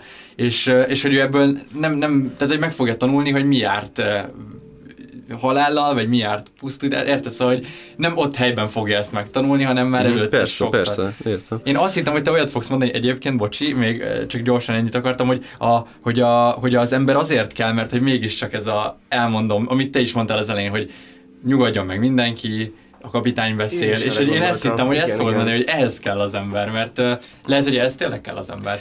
Hát az igaz, hogy nyilván uh, az utas tájékoztatás az, hogy most mindenki első kézből akar tudni. Tehát nem az, hogy a, megkérdezed a stewardess és a kapitány úr azt mondta, hogy hanem oké, okay, oké, okay, de akkor mondja meg nekem a kapitány, és akkor az, hogy ladies and gentlemen, igen. bla bla bla. Um, igen, tehát viszont ugye, tehát ha tényleg, ha megvalósulnak az önvezető autók, és mondjuk egy generáció leéli az életét, úgyhogy nem látott autóba sofőrt, akkor ő már szerintem nem, tehát akkor ő meg már azt fogja kérdezni, hogy de akkor repülőben miért kell? Uh-huh. Ez, ez, ez. Alex már jó ideje nehéz, a robotok, nehéz. robotok oldalán van, szóval hogyha ha lesz háború no. robotok és emberek között, senki ne lepődjön meg, hogyha Alexet a túloldalon. Yeah. Nyilván én egy kicsit a szakmámat is védem. ja, igen, igen, te igen. még nem hallottad azt az adást, ami ezelőtt van, mert még nem jött igen. ki ebben a pillanatban, de hát abban lesz, lesz pár dolog a Wally kapcsán, amit igen, sajnálok. Az önvezető autó kapcsán én is a önvezető autó mellett vagyok, mert hogy így, uh-huh. ha így kiszámolhatjuk, hogy statisztikailag mennyivel kevesebb ember hal meg önvezető autók és az ő összehangolt kommunikációk folytán, akkor igazából valahol egy ilyen önzés az, hogyha azt mondja az ember, hogy én akkor is vezetni akarok, mert igazából így a saját, nem tudom, vezetési önzését nem tudom, emberek halálával fizeti ki. És Ezzel egyetértek. És raknál be kormányt? Mert hogy ez is egy ilyen tök érdekes kérdés, amikor van az önvezető autó, és van benne kormány, és hogyha úgy van, akkor át tudod venni. Van önvezető autó. Mert, hogy Tehát akkor te ér... csak úgy definiál az önvezető autót, amiben te már nem tudsz beleszólni. Hát az beleszólt, hogy hova menjünk, ennyi. Ja, nem, mert Tehát, hogy, az most, is egy van egy kormány, de most akkor te igazából ez már majdnem most is van. Tehát most a Tesla már így nagyjából elvezet Igen, neked, persze, és hogy így, persze. ha te akarod, akkor vezethetsz. Tehát igazából ez ma, ma majdnem megvan. De hogyha ö, én írhatnám a szabályozás, és már adottak a technikai feltételek, akkor nálam azért nem lenne kormány, mert akkor egy ember már belerakja az emberi tényezőt, ami miatt már az önvezető autók se tudnának biztonságosan közlekedni szerintem. Tehát ha ilyen lenne a szabályozás, akkor mindenkinek be kéne tartani ezt, és uh, akkor nem lenne kormány. Annyit a robot, robot imádatomhoz, hogy fél, hát így fél órával az adás előtt a KFC-be voltam, és most fedeztem fel, hogy már lehet ilyet, hogy nem kell sorba állnod, hanem no. lehetsz, és így, Ez most. és így, ezt én, ja, mert én nem járok amúgy gyors étteremekbe, hanem most tényleg nagyon-nagyon sűrűsen kellett kell, mert nagyon éhes voltam, és én most voltam össze, de, de lényegtelen a lényeg az, hogy ott így nyomkodtam, és így láttam, hogy csak olyan opció van, hogy készpénzzel, és így rendesen szomorú lettem, hogy oda kell mennem mégiscsak a kasszához, és nem tudtam ezt így most itt elintézni a monitornál. Úgyhogy ez durva. Meg kéne már lehet kártyával fizetni. Pont, a, pont ja, akkor ja, voltam először. Oda nem járok egyet. Pont a, amikor Milánóba repültem, ott találkoztam először wow. ezzel a izé, úgyhogy összeér a szál. Azt a minden és ott lehet. Ez volt akkor azt mondtad, mikor repültem? Két-három év. Wow. Ja, de már itt Pesten is van, nem több mint egy éve, egy olyan meg ki, ahol ez, ez tökre működik. Árkádba is már. Én két-három, én két-három éve hagytam abba teljesen, mert akkor volt egy időszak, amikor nagyon sok gyorskát tettem, de hát igen, durva. Ide, ja. ide értünk. Ja. Mi, tehát akkor, akkor ez a közlekedés úgy működik, hogyha, vagy ez nem egy működő koncepció, akkor teljesen vegyük ki az, az emberi tényezőt ebből a dologból. Mármint, hát hogy az önvezető ja, most hozzám igen, igen, a kérdés. Hát csak oh. úgy, úgy összegezve, amire, amire Igen, tehát hogy én azt gondolom, mert hogy akkor hát, hogy nem tudna hatékonyan működni az önvezető autókommunikációja, hogyha valaki ott, nem tudom, azért, mert nekem BMW-n van, rántogatom a kormányt a egyik sávból a másikba. Én teljesen ez amúgy, én, én pont hallgattam ezzel kapcsolatban egy beszélgetést, és ez tök érdekes, hogy ki ezt, ki hogyan éli meg. Én nagyon várom az önvezető autók hajnalát, de, de van, van egy barátom, aki mondta, hogy neki már volt olyan, hogy, hogy, hogy, hogy beparkol helyetted az autó, Aha, nem tudom, ezt milyen funkciónak hívják, és hogy ő egyszer ült egy olyan autóban, amit ő vezetett, és mondta, hogy valami hihetetlenül félt, miközben az autó beparkolt helyette. És hogy gondolom, ez, ez is egy olyan dolog, hogy ki mennyire kontrollmániás, Aha. vagy hogy mondjuk kinek mit jelent a vezetés, Igen, ez mint még, még csak fura, amúgy. Tehát még csak, még, még, még, még, még, Szokatlan. igen, de ezt szerintem hozzá tudna szokni a,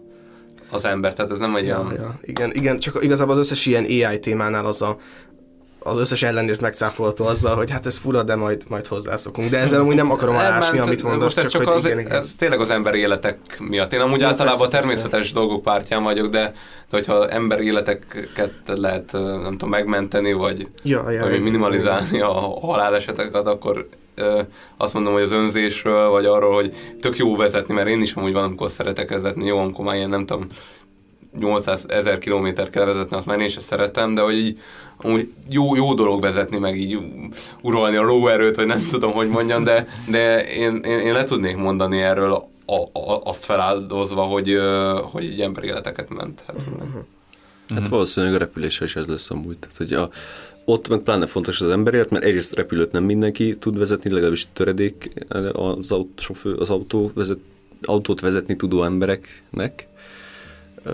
Szóval értitek. Uh-huh. Másrészt meg ott ugye hát az egy pláne egy em- emberszállításnál azért fontos ez, hogy, hogy sőt az a legfontosabb, hogy, hogy Szerinted, tehát, hogy amúgy a repülésnél szerinted több váratlan helyzet léphet fel, mint mondjuk az autóvezetésnél? Nem feltétlen, mert hát azért a nagy részt már az irányításon az irányításon azért sokkal több minden múlik szerintem, és hogyha ők jól csinálják, akkor azért egy repülő nem olyan találkozik egy másikkal. De hát nem tudom, amit még eszembe jut, hogy hirtelen még zivatarokat kerülgetni, talán, hogyha mondjuk egy mesterséges intelligenciának csak az időjárás radarkép az inputja, akkor, akkor lehet, hogy meg akar kerülni az egyik irányba egy zivatart, De nem pont ott van. Vagy de, de, de ott van, csak vannak, tehát hogy a radar működési elvét, ha nem tudja, bár nyilván azt is tudhatja majd idővel, de simán lehet, hogy van előtted egy pici valami közel, és akkor az meg beárnyékolja az egész maga mögött lévő területet, és lehet, hogy hogyha rossz irányba kerülöd, akkor meg sokkal nagyobb bajba tudsz belefutni.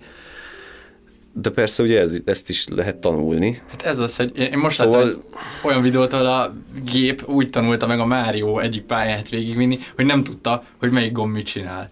Végig próbálta az összes gombot, rájött a dolgokra, és ilyen nem tudom, valami 2500 próbálkozás után kivitte a pályát, és onnantól már az egész játékot kb. rá egy percre. és tehát, hogy és nem tudta a gombokat. Tehát, hogy ezt mondom, hogy ne- neki nem kell neki inputok vezni, nem kell elmondanod neki, hogy a D az jobbra megy, meg a nem tudom, ez mondjuk jobb. az a segíted azért valamennyire. Ez segítene, de hogy nem is kell már ez se, hanem hogy csak leteszed, és majd ő megtanulja, amit te is most elmondasz nekünk. Szerintem valószínűleg nyilván ez lesz a vége, csak a repülés azért nagyon lassú, tehát ezért a, Persze. a 320-as Airbus, ami ugye a filmben is van, meg, meg úgy nagy, nagy részt, tehát az a, a riválisával együtt ők uralják igazából a piacot, ez a hol- rövid, közepes hatótávolságú repcsi, de Európán belüli, meg Amerikán belüli repkedésre tökéletesen alkalmas. Ez egy 80-as évekbeli konstrukció, tehát ez, nem, ez már egy öreg gép. De mégis ez van a legelterjedtebb. És ugye most ezt a jogalkotás is mire leköveti az ilyen újításokat, például, hogy nem is tudom, mondjuk egy kisgépes világban szoktak olyat, hogy infrakamerával éjszaka ködben, és akkor ugye sokkal, vagy nem ködben, de hogy mondjuk csak éjszaka, és akkor sokkal messzebb ellát az infrakamera, észre, észre tudod venni a kijelzőn, hogy van-e valami a pályán. Csak hát jogilag nem, rak, nem szerelhetett bele, mert hát a repülőgép adott ö, specifikációkkal lett le, ö, levizsgáztatott. Jó, Tehát ilyesmikre gondolok. Szerint, és tehát az egy ilyen jó plusz, ez egy öt év lemaradásban van, konkrétan a jogalkotás is, a gyártás az meg még, látod, ez ilyen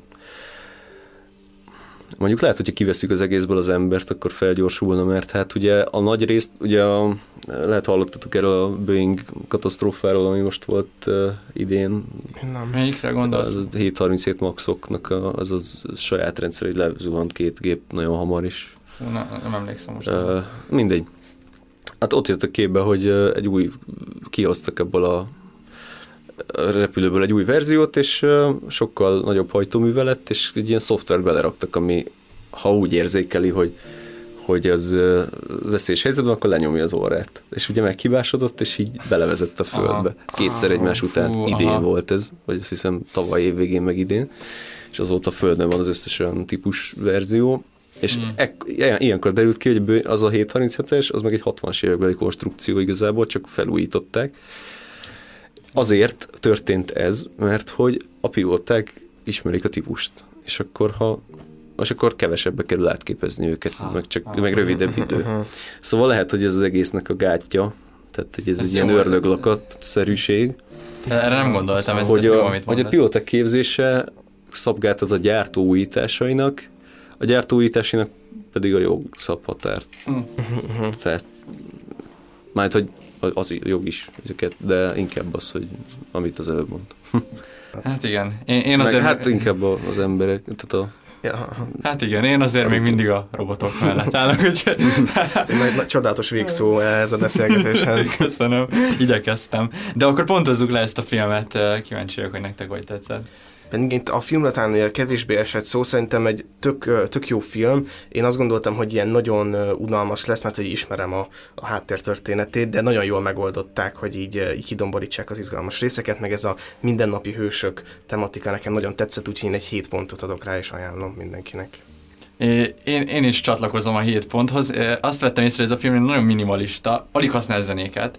Nagyon-nagyon-nagyon kevés zene van, és nagyon ilyen tényleg ilyen naturalisztikusan mutatja be, amiről pedig kevesebbet beszéltünk, nekem nagyon tetszett Clint Eastwood rendezésében, hogy arra világított rá nagyon, hogy egy tragédiában mindig ott van a lehetősége az ilyen, az, az ilyen nagy csodáknak, szóval, hogy egy tragédia mindig egyszerre egy lehetőség arra, hogy valami kibaszott jó dolog történjen, és itt a végén ugye írja is, hogy, hogy New York legjobbjai fogtak össze, és 20 perc volt az egész, és az milyen felemelő ide olvasni, hogy á, bazeg, bár csak az egész emberiség összefogna, klímaválság 20 perc meg vagy, de... a fát. Hát igen, hogyha 20 perc lenne egy fát előtetni igen, igen. igazából, de... Jó, eh, hát, igen. Egy igazi kockázat helyzetben. igen, igen. igen még nem sikerült elültetnem a fát, amit a fiúk már elültettek az előző adás után. Hallgass az ösztöneid. Sémon mi, de el fogom ültetni, és erre meg egy 7 pontot adok, úgyhogy...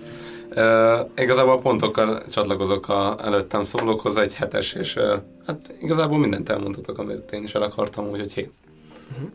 Én uh, szakmai szempontból újra néztem most a filmet az adás előtt, és már úgy, hogy már tudom a típust én is. És uh, úgy már észrevettem benne egy-két apróságot, amit, de hát ez nyilván, ugye ez, ez csak az én szemem, uh, viszont nagyon, tehát törekedtek arra, hogy minél életűbb legyen ez az egész, ahogy valójában van a dolgok, és szerintem ez így nagyjából sikerült, illetve hát a, a végén, amikor meghallgatják a tehát az, az egész, amikor a szemünk elé tárul, az ott egy ilyen elég, elég hogy mondjam, elég libabőrös élmény. Viszont így, igen, én is, én is 7 pontot adnék. Rendben, és akkor megyünk tovább, a következő filmünk pedig a 80-as évek gyöngyszeme, a Top Gun című film lesz, úgyhogy maradjatok velünk, hallgassatok meg egy bejátszót. Ne idegelj. Fényt kérek. És most szeretném bemutatni önöknek a Top Gun parancsnokát. Ő nyerte el először a Top Gun trófeát, és minden bizonyal ő a világ legjobb harci repülője. Mike Metcalf parancsnok, hívójele Viper. Uraim, a haditengerészet pilótáinak az egy százaléka van itt. Az elit. A legjobbak legjobbjai. De még jobbak lesznek. Naponta két bevetésre számíthatnak, közben oktatás, valamint értékeljük a teljesítményüket. Még csak véletlenül se reménykedjenek két azonos harci helyzetben. A bevetések egyre nehezebbek lesznek. F-14-es gépekkel fognak repülni. Gyorsabban, mint eddig bármikor. És veszélyesebben. Mi itt nem politizálunk, uraim. Ez az általunk választott képviselőink dolga. Ám az ő politikájuk eszközei vagyunk. Igaz, most nincs háború, de nekünk mégis a háborúra kell felkészülnünk. Mi van? Adott helyzetben készen Azon kell... Ki itt a legjobb? Az eddigi legjobb pilótáink névsora itt olvasható ezen a táblán. Természetesen a teljesítményük értékelésével együtt. Közülük válogatják ki a Top Gun oktatógárdáját. A maga neve rajta lesz a táblán.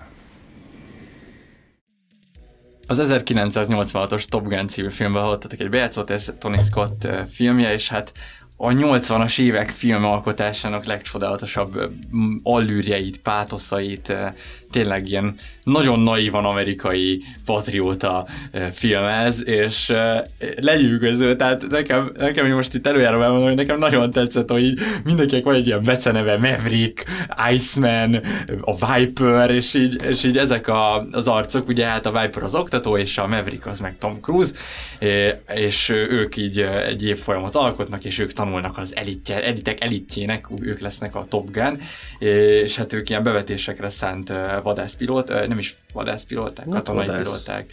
Hát igen, a lényeg az, hogy, hogy van itt egy srác, ez a Tom Cruise, aki, aki így komolyan vette azt a részét ennek, a, amit hallottunk bejátszónak mondani valónak, hogy, hogy, hogy egyre veszélyesebben fogtok majd, ti fogtok a legveszélyesebben vezetni. Hát ő aztán olyan veszélyesen vezet, hogy ilyen tényleg híre megy messzire, hogy milyen, milyen manővereket nyom le, és megjelenik egy tanár, aki egy nő, neki énekel egy bárma, szóval tényleg így a 80-as évek legcsodálatosabb pátoszai szerepelnek itt. Úgyhogy az első kérdésem az volna hozzátok, én most ilyen nagyon casual módon fogok indítani, és azt kérdezem, hogy, hogy nektek hogy tetszett, vagy ha tetszett egyáltalán ez a film, vagy, vagy mennyire verte ki a biztosítékot, a, vagy mennyire izgatta a pontjaitokat a, a, a 80-as évek mozizása. Én megmondom őszintén, hogy szerintem van a ilyen, amikor készülünk az adásra, és nézzük meg a filmeket, mi, mindig, hogyha ilyen igazán rossz filmet nézünk, akkor mindig szerintem így el- eljön az a pont, amikor így feltesszük magunknak a kérdést, hogy így ezt vajon kirakta a tematikába? Vagy hogy biztos, hogy jó filmet nézek? Vagy hogy ez most tényleg az? Tehát, hogy, hogy akkor itt most történni fog valami. Én, én, én az első fél órát ilyen nagyon nagy szenvedések árán ö, tudtam végignézni, és nem utána csak rosszabb lett a film, tehát hogy annyival lett jobb, hogy, hogy így elengedtem azt, hogy, hogy amúgy ez egy jó film lesz, mert hogy én azt úgy, úgy emlékeztem a Top Gun-ra, mint egy ilyen klasszikus film, ami így nekem kimaradt, és ö, hát én őszintén, őszintén nem, nem értem, hogy, hogy, hogy ennek a filmnek így, így mi volt a lényege. Ami nekem nagyon furcsa volt, hogy ugye van, van ez az alapvető történet, hogy, hogy így van a világ, ami szabályosan működik, és van az vagány amerikai srác, aki mindent leszar, de mégis annyira vagány amerikai srác, hogy egyszerűen mindenki szétdobja a, a lábait előtte, és és hogy, hogy nekem mi- mindig, mindig meglepő, hogy így, így ebből tényleg filmet lehet csinálni, mármint hogy, hogy így most el, ellövök egy nagyon-nagyon halvány spoilert, van, van egy olyan jelenet a filmben, amikor meg, megcsinál a főszereplő karakter egy ilyen nagyon jó manővert, és aztán megkérdezi, hogy lehet-e örömrepülni a bázis körül, és akkor mondja neki így a, a főnök, hogy nem lehetne, nincs tér, de akkor is megcsinálja az örömrepülést, mert egy vagány amerikai srác, és a film végén is van egy ugyanilyen jelenet, és ott is megkérdezi, hogy meg lehet-e csinálni az örömrepülést, az irányító azt mondja, hogy nem, és mégis meg, ö, megcsinálja. Tehát a film tanulsága az, hogy legyél vagány amerikai srác, és nem kell tanulni a hibáidból, meg így ilyesmi, hanem csak így, így legyél, legyél merész és vagány, és lehet, hogy ez, ez hozzátartozik a pilótasághoz, én nem tudom. Hát akkor el tudod képzelni, hogy így az amerikai hadseregnél ez a, ez a komolyság van, hogy, hogy így, így, így kiadnak egy parancsot, és te így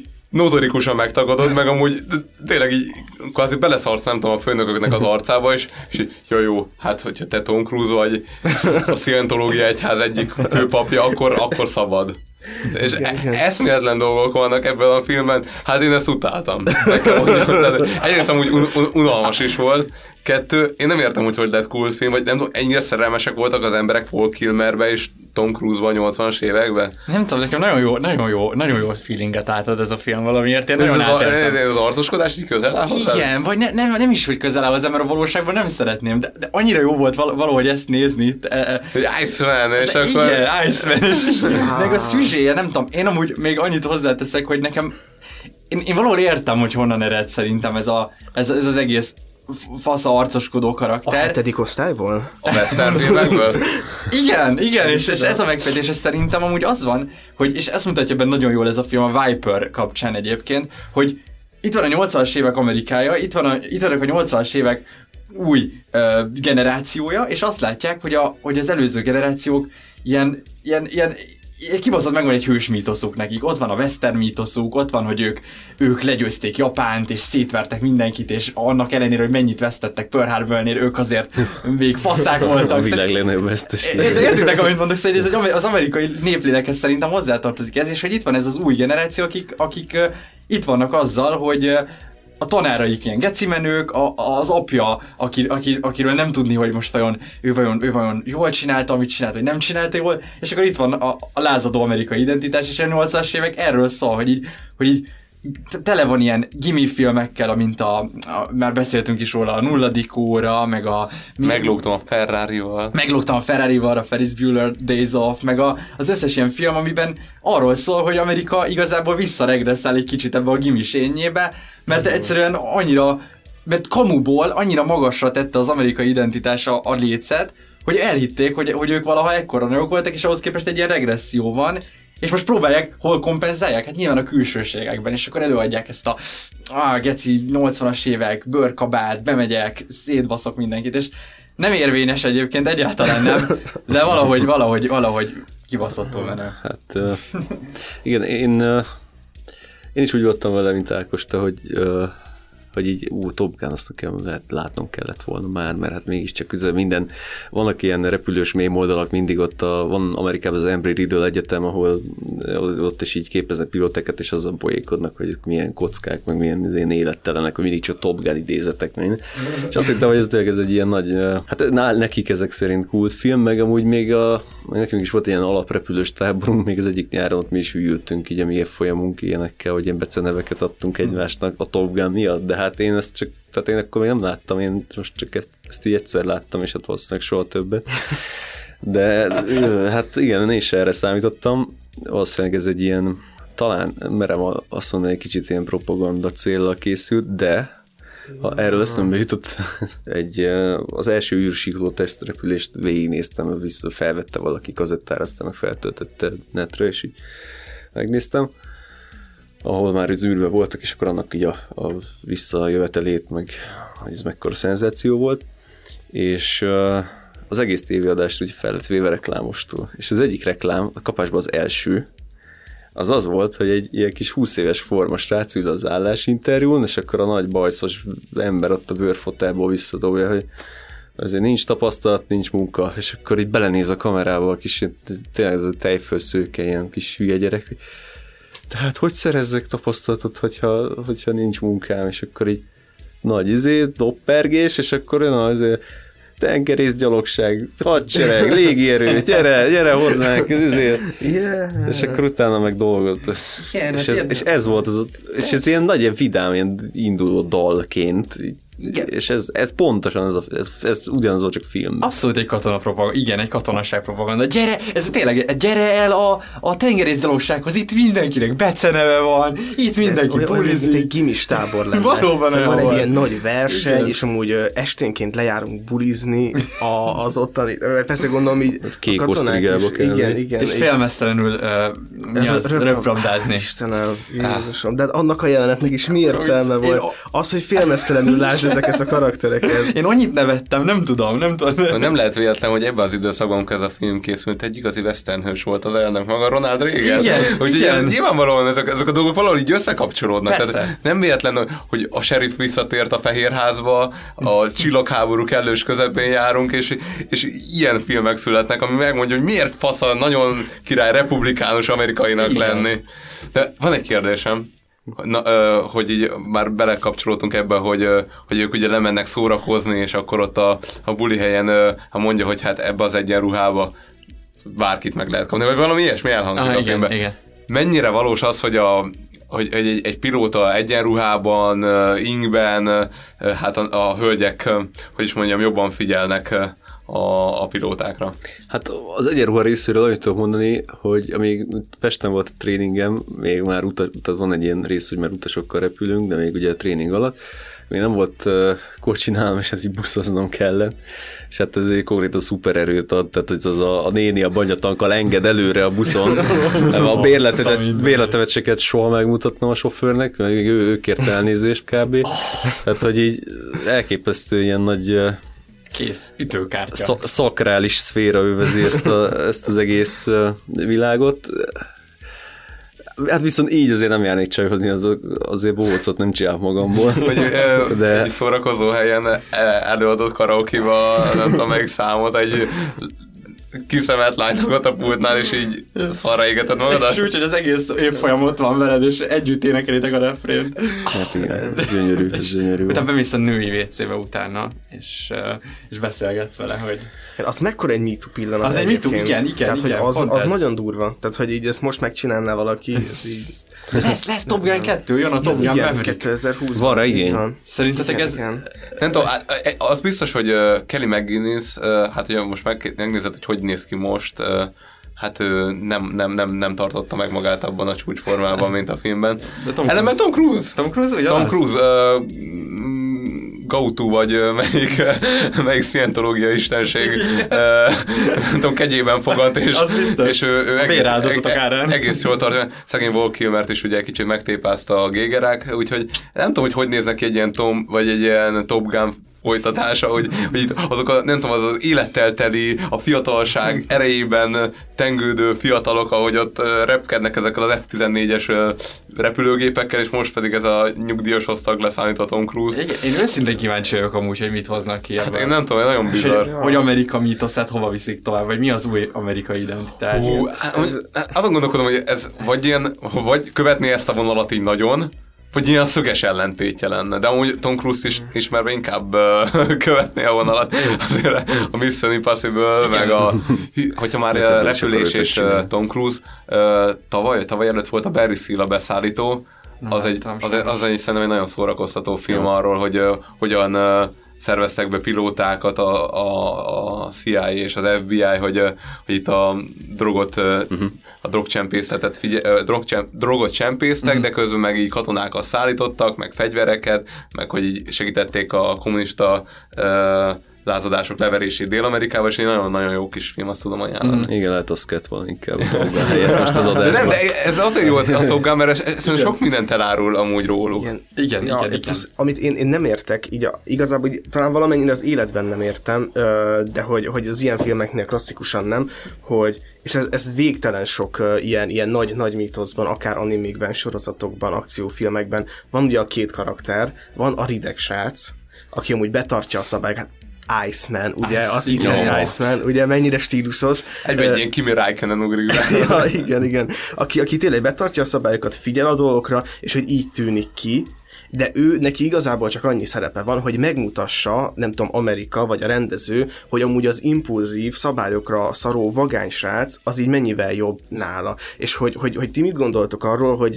hogy mondjuk az élet különböző területein így mely, melyik az, ami kifizetődőbb? Tehát, hogy, hogy jobb-e mondjuk betartani a szabályokat, vagy jobb-e kockáztatni? Szerintem ilyen szempontból például a Rás, a, a Hajszal győzelemért című film, az egy sokkal jobb, ö, jobb film, mert hogy ott sokkal árnyaltabban be van mutatva az impulzív és a, és a korlátozott karakter, mert hogy nekem ilyenkor mindig ilyen rossz érzésem van, hogy, hogy hogy szerintem amúgy van, amikor a, a szabályokat betartó rideg karakter ö, győzi le az impulzívat, de valahogy ezt így Amerikában nem szokták így trendének tartani. Igen, én, én is azt látom, hogy, hogy ö, tehát Amerika nyilván egy individualista ország, és ott az, hogy a, az individuum, aki felülírja a szabályokat. Tehát nem is csak, hogy megszegi, Ja, hanem hogy ő neki saját szabályai vannak, ugye, neki saját, tudod, ez a don't judge me, I have my own uh, decisions, Ja, és ja, nekem van egy traumám, az apám valahogy meghalt, és nem tudom, hogy hogy, te ne judge hogy én miket döntök, mert én azt csinálok, amit akarok, mert eh, és érted, tehát, hogy én a saját dolgaim miatt kockáztatom a, a katonaság 14 milliós ö, repülőgépet, tök mindegy, ez, az, ez most az én történet, most ez rólam szól, és ez egy nagyon jellegzetesen amerikai gesztus, de egyébként szerintem az élet leges legtöbb területén szerintem a, a lelkiismeretesség és a konzisztens viselkedés a sokkal kifizetődőbb. Igen, nem véletlen úgy, hogy, hogy a Lauda az, érted, hú, most osztrák, osztrák, vagy német? Osztrák. Osztrák, Osztrák. osztrák, ugye? És hogy hát nem véletlen, hogy a, hogy a hát, hát, Hát mondjuk, egyszer, ö, mondjuk egyszer. angol, de hogy igazából nagyon nem áll távol tőle ez az amerikai Igen, de hogy- életmód. Ott is látszik, hogy ő egyszer megnyerte, az neki az Ez kurva jó most volt, a- lehetett a Rásról bulizni, a beszélünk. rásról, igen. Igen.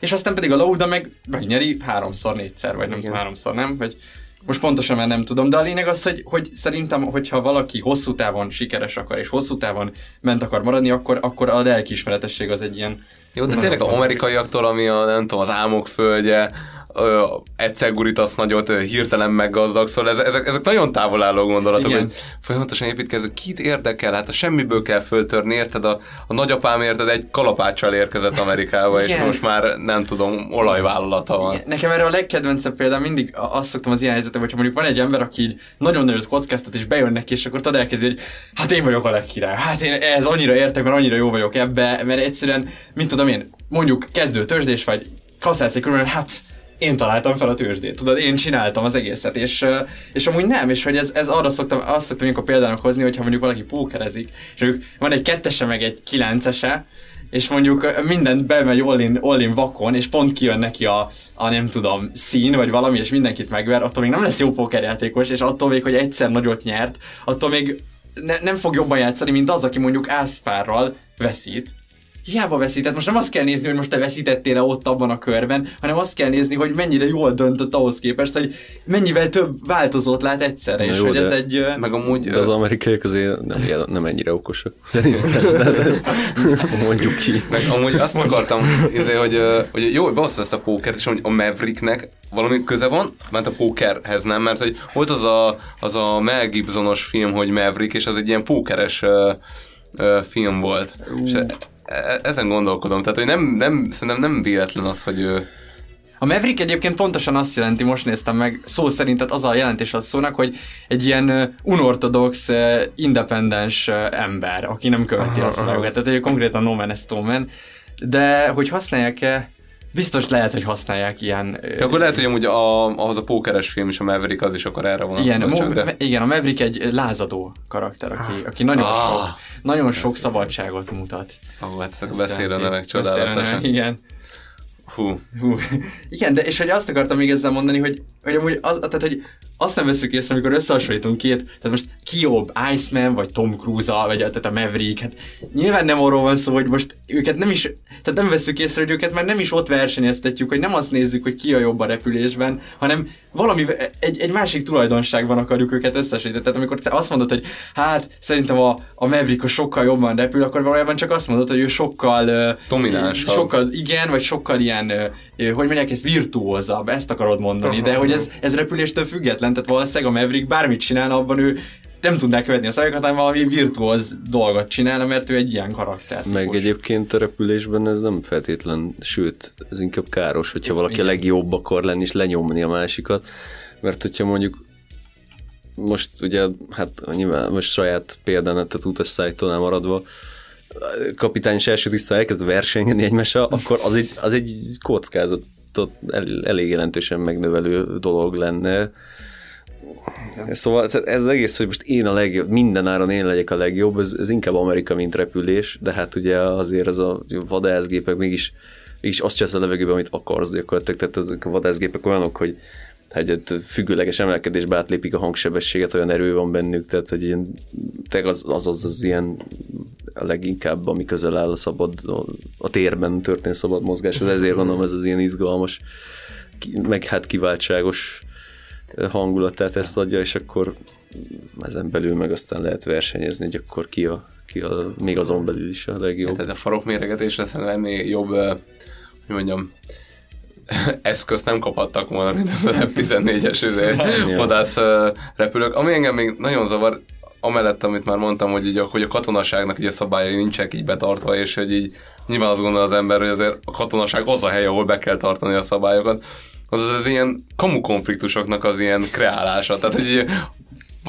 mi volt a végén? Tehát, hogy így kik ellen harcoltak? Nem is tudom. Hát, hogy így, Egyébként a szovjetek ellen, mind, hogy Ne, érted? ne, Jó, hát nem érted. volt kimond- de nem, nem, nem, nyilván nem volt kimondva, valaki de átlép- de nem, valaki átlépi- volt a vörös csillag, és akkor be Igen. kellett mutatni De, nekik. de, De, de valaki átéri, át, átlépje így a légteret, és akkor így, jó, ezt itt, így, így, Szétbasszuk. szétbasszuk most itt helybe. Hát azért- hú, ha, ezért, nagyon durva volt. De egyébként a, a légterek azok, mert mint az tényleg így nem, mert jó nem így, de hogy az, az egy nagyon, tehát főleg akkor ilyen kielezett helyzetben azért ott Egy hidegháborúban azért elképzelhető, hogy rá... Szerintem egy pont, hogy egy, egy, lehet. hát egy, biztos, hogy a apropó konfliktusra, de hogy így pont, hogy a hidegháború, ahol uh, nem tudom, ezek a, ezek a konfliktusok így nagyon ki vannak mérve, így ilyen egy az egyben USA, a Szovjetunió összecsapás így nem képzelhető el, hogy így a, nem tudom, a szovjet, na nem tudom, a hadseregnek a repülőgépe így berepül egy ilyen, nem tudom, pár száz métert egy ilyen USA légtérbe, és akkor így már lelövik. Tehát hogy ezek általában inkább ilyen diploma, diplomáciai konfliktusok.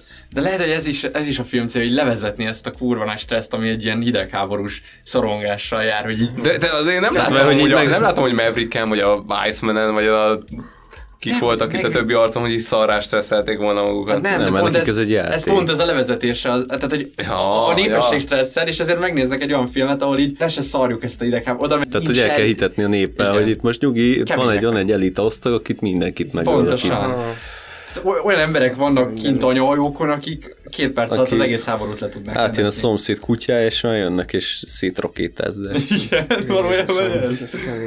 Én, én, én még azt nem értettem, hogy, uh, hogy, hogy Tom Cruise miért jó ember. Ezt uh, ugye már be- beszéltünk ugye a, a világok harcánál, ahol szintén Tom Cruise ugyanezt a karaktert játszotta, tehát igazából Max átöltözött, meg így öregedett pár évet, és hogy, hogy mindenki úgy, úgy tekint rá, hogy úristen, te vagy a legfantasztikusabb ember a világon. De hogy ezt nem, nem látjuk, hogy miért. Tehát, hogy, hogy ez a srác így nem tett semmi jót nagyjából. Mert hogy oké, így, így kedves volt, meg így részt vett az emberi interakciókban, de hogy így annyit csinál, hogy szexi. Tehát, hogy ennyi, Az, és hogy így, te- de- te- egy dominancia, és, És- és akkor ennyi elég. És, És és, így- és, karizma. igen, ez biztos, és nekem lehet, hogy ezért irritálnak nagyon ezek a filmek, mert hogy nekem fáj, hogy, hogy ezt így meg lehet oldani. De biztos, hogy meg lehet oldani, hiszen ez a, tehát az a, az a szerelmi szál, tehát az a szerelemvallás, hogy így, hogy így egy ilyen kamu, az is egy kamu konfliktus, nem lehet tudni, hogy most kinek mi fájt azon a konzultáción, amiről ott ő így megsértődve kirohan, Oh, mert hogy, mert hogy nem, nem mondták neki, hogy ő a világ legjobb pilótája, és aztán utána megy a nő, és hogy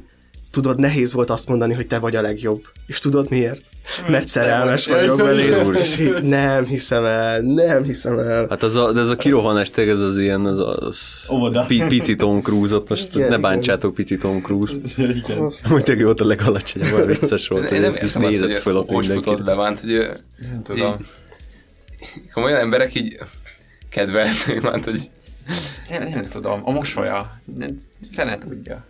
Én, én, én szeretnék utána járni egyébként a Top Gun kultusznak. Tehát, hogy, hogy nem lehet, hogy, hogy ők is ilyen poénból szerették a 80-as években? Tehát, vagy valaki Nem, azt nem, mondta erre komolyan, hogy együtt néztük meg, emlékszel a Cocktail című filmet, ott ugyanez megy. Hát igen, de a koktél az nem egy komolyan vehető film, vagy azt Tehát szóval azt is komolyan akartál, mert hogy Ja, aha, Én, aha. én is azt képzelem, hogy ezt a 80-as évek komolyan vették, de szerintem ettől bájos, vagy ne, nem Én, ami, tudom. én amiatt a reklámért, amit mondtam még az elején, Igen. hogy azt Ja, szerintem aha, amiatt ez full, tehát az a, lehet olyan hangulat volt, csak hát ugye nagyon nem, nem idősödött megfelelően a film, Igen. vagy sehogy.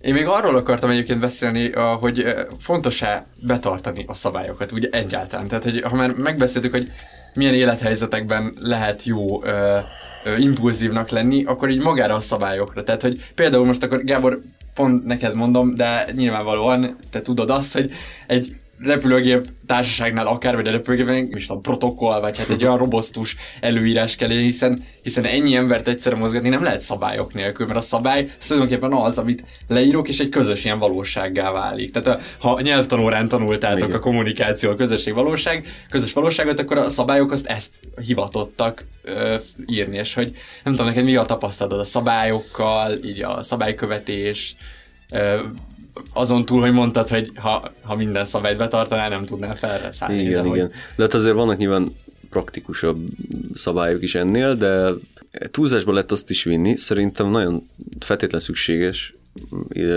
hiszen azért nem, tehát nem, nem gyerekjáték ez az egész, meg hát tényleg, hogyha mi most jelen vagyunk 25 bázison, és akkor ott azok az a bázisok, ami a lokalizált pilóták elkülönítve elkezdenek saját kis kitalálni ilyen kis dolgokat, az így nem jött. Ez központilag ez egy rohadt vaskos, négy darab ilyen ezer oldalas kötet az egész szabályrendszer, ami úgy az egész társaságra vonatkozik.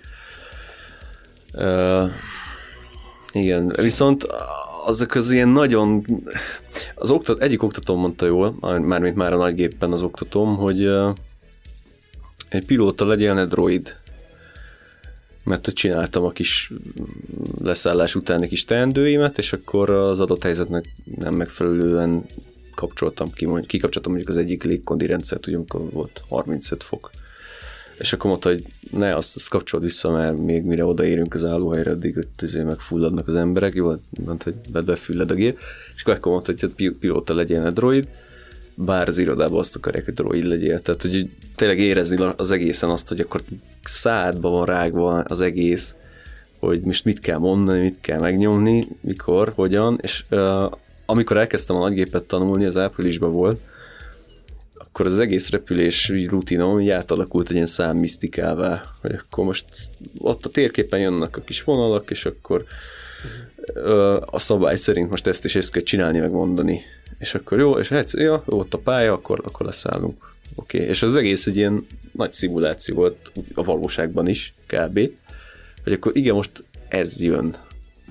Ez egy színdarab szerűen. És mostanában kezdem el azt érezni, hogy jó, most már jönnek vissza a régi ingerek, hogy úgy, úgymond így érzésből is tudok már repülni.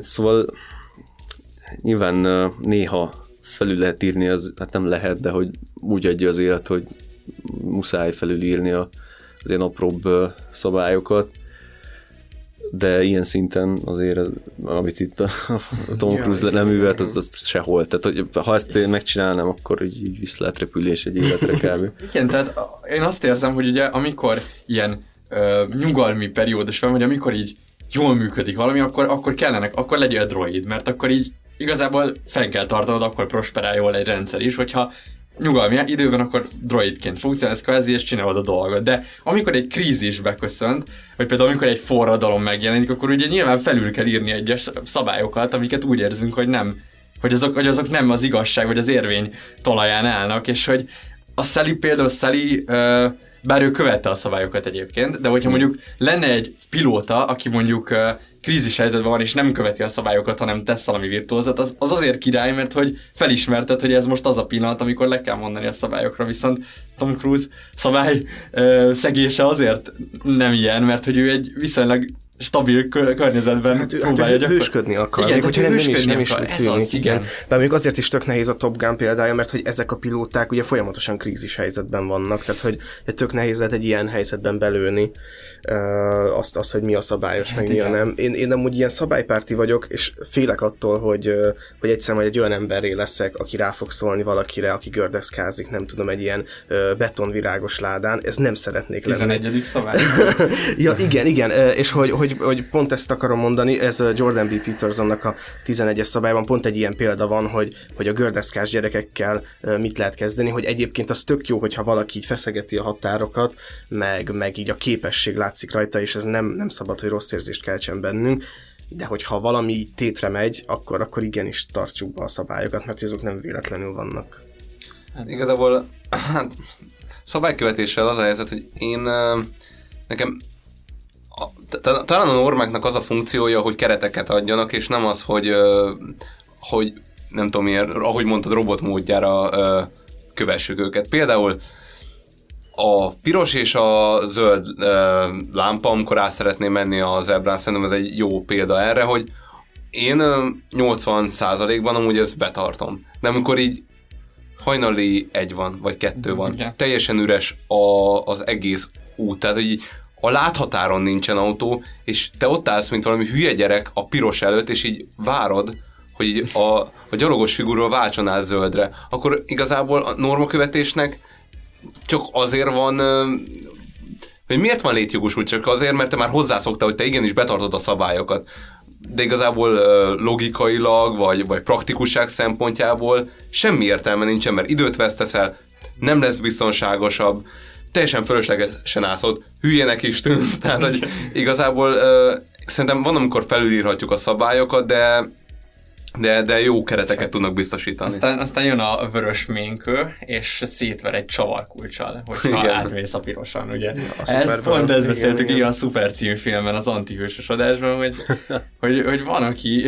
szóval vannak ezek az igen, akik így önjelölt szabályvédők, és, és rátszólnak, hogy nem ott kéne, nem tudom, a fűre lépni, vagy, vagy igen. És tényleg, amúgy mérlegelni kezd. Tehát én is azt, azt tartom, hogy az individuumnak van annyi, van annyi jogosultság, hogy mérlegelje, hogy mikor. Igen, igen, viszont ami engem nagyon frusztrál, és lehet, hogy ez, ez a fő frusztráció ebben a filmben, bár már nagyon sok fő frusztrációt megjegyeztem, hogy az meg tök rossz egy szabálynál, hogy ha valaki jön, tehát jön a vagány amerikai gyerek, és ő, ő így látványosan megszegi a szabályt, és utána emiatt nem, nem kapja meg a büntetését. Tehát, hogy így mindenki letaglózódik, hogy ú, ez, ez amúgy menő volt. És hogy, hogy, hogyha viszont szabályok vannak, és azt mondjuk valaki egy ilyen tényleg egy necces helyzetben szegi meg, akkor viszont tartsuk magunkat, mert hiszen annál rosszabb nincs, nincs rosszabb az olyan szabálynál, ami csak így papíron van így, és hát szerintem így, így Magyarországon egy rakás ilyen, uh, ilyen dolog van, hogy hát tudod, most ez így van, de hogy most így kettőnk között, tehát okosba ugye megoldjuk, és Ez- hogy,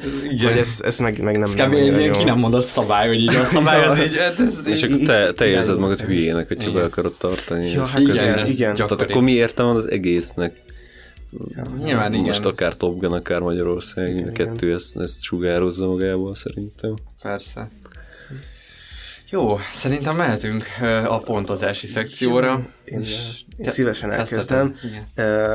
Hát a, nekem ez a világok harcával és az Assassin's Creed-del egy szinten van ez a film, három pontot tudok ráadni.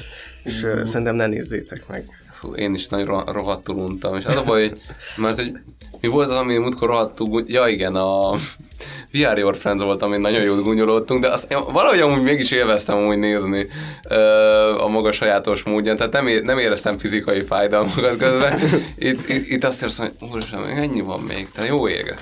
Hát nem, nem elég, hogy itt végtelen nagy arcoskodás megy a, nem tudom, két órán keresztül, amíg a film tart, hanem, hanem mellette amúgy nem, egy, nem izgalmas, tehát, tehát ez unalmas, úgyhogy ö, én, én is három. Na már én, én, én ezzel, tehát én úgy vagyok kb. akkor, mint te, bár én jobb, mert most megnéztem, és te négy pontot adtál a We Are Your Friends-re ennek ellenére is, de hogy én ezt sokkal jobban élveztem, tehát hogy én, én tudtam ezen nevetni, nekem úgy tökre így gyorsan elment ez nem tudom, másfél-két óra, én így, én, én valamilyen nagyon élveztem, de, de, persze nem, tehát hogy ez nem egy jó film úgy, hogy ha így hogy hiszünk abban, hogy a objektivitása van annak, hogy jó film, vagy hogy valami, hogy ez, ez megérte vajon a celluloidot, de mint szórakozás arra, arra, így, arra így teljesen jó, és ezért vagyok így nagyon ilyen konfliktusban, hogy mit adjak erre, de én igazából nem tudom, én, a, én most a belső, én most a, a megérzésemre fogok, és én egy hat pontot fogok erre a filmre adni. Hatos, az egy jó film. Nekem ez tetszett. Ádám, Ádám van tudatosult. De nehogy már egy hatost adja. Nem Most Alex, Alex a meg ezt Maverick. nézni ezt a filmet? Tessék? Meg fogod még nézni ezt a filmet? Egyébként te, te, te, te, te nem, Azt- nem, jó. nem, nem óckodom tőle, tehát hogy például Oké, mondjuk egy társasággal szerintem ezt Hatos, tök oké. lehetne újra nézni. Részegen mondjuk.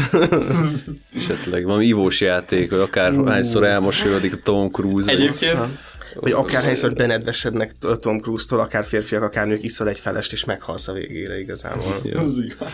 Egy, hát én, én, én nagyon sokat gondolkoztam, hogy most ezt megérné újra nézni, de hát én is ezért talánra jutottam, viszont de három pontot azért nem adnék, mert nekem azért a voltak benne azért értelmes mondatok szakmai szempontból, például amikor megjött a, kiderült, hogy a nő az végül is, akire rányomultak olyan szánalmas módon a kocsmába, az ő, fog, ő fogja őket oktatni az elméletből, amit ott magyarázott, persze nyilván nem arra figyelt a film, de hogy háttérben én azért hallgattam az ilyen izé, tolóerő ellátottság, meg ilyen mi fogalmakat, legalábbis az angolul ezek stimmeltek.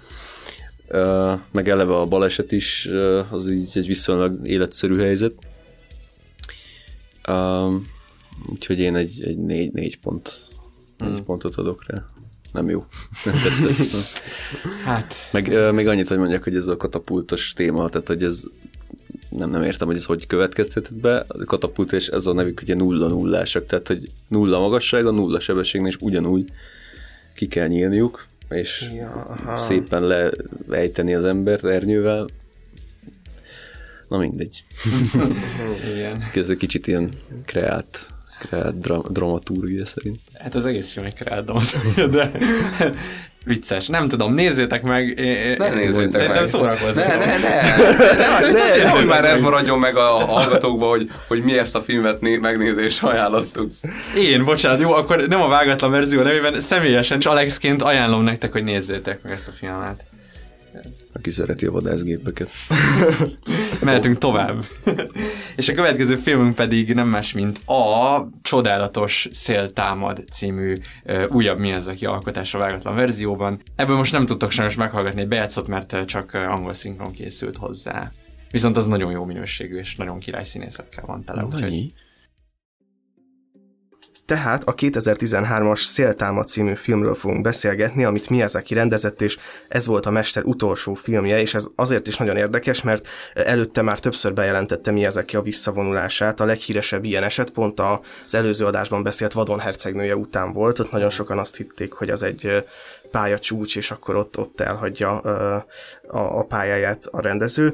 Viszont a széltámadon szerintem már nagyon érezni azt, hogy ez egy ilyen elégikus, vagy nem is tudom, egy ilyen, ilyen búcsúdal tulajdonképpen a, az anime készítéstől, és éppen ezért egy kifejezetten különleges film, Miyazaki film szempontból a szél támad. Ugye azt lehet tudni Miyazakiról, hogy mindig egy, egy elképzelt, egy fantázia világban játszódnak a történetei.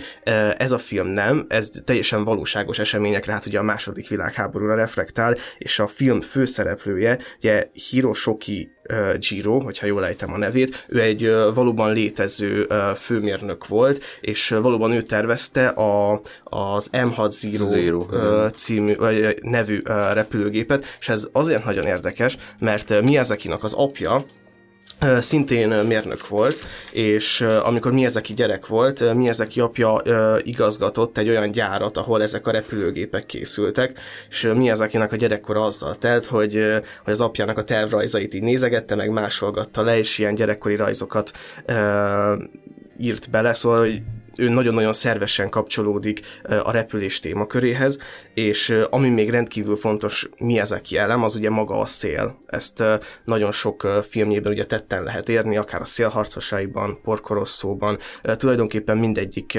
motivumában, és ami még szép, egy ilyen felvezető fun fact még, hogy a filmben szerepel egy olasz tervező mérnök, akinek volt egy kémrepülőgépje, aminek az volt a fedő neve, hogy Ghibli és ugye, ugye Miyazaki-nak a legendás stúdiója a Ghibli stúdió, de nem ezért Ghibli stúdió egyébként a, a Miyazaki stúdiója, hanem mert a Ghibli az egy szelet jelöl, ami a Szaharától a, a libériai partokig uh, ér, és uh, azt gondolta Miyazaki, hogy a stúdiójával egy új szelet fog hozni a japán közgondolkodásba, szóval tényleg a szél és a, a repülésnek a szerelmese. Én is a, a legalapvetőbb kérdéssel kezdenék, hogy nektek hogy tetszett ez a film, főleg úgy, hogy ez kicsit ilyen nem egy, így, talán egy rendhagyó mi ezek élmény lehet.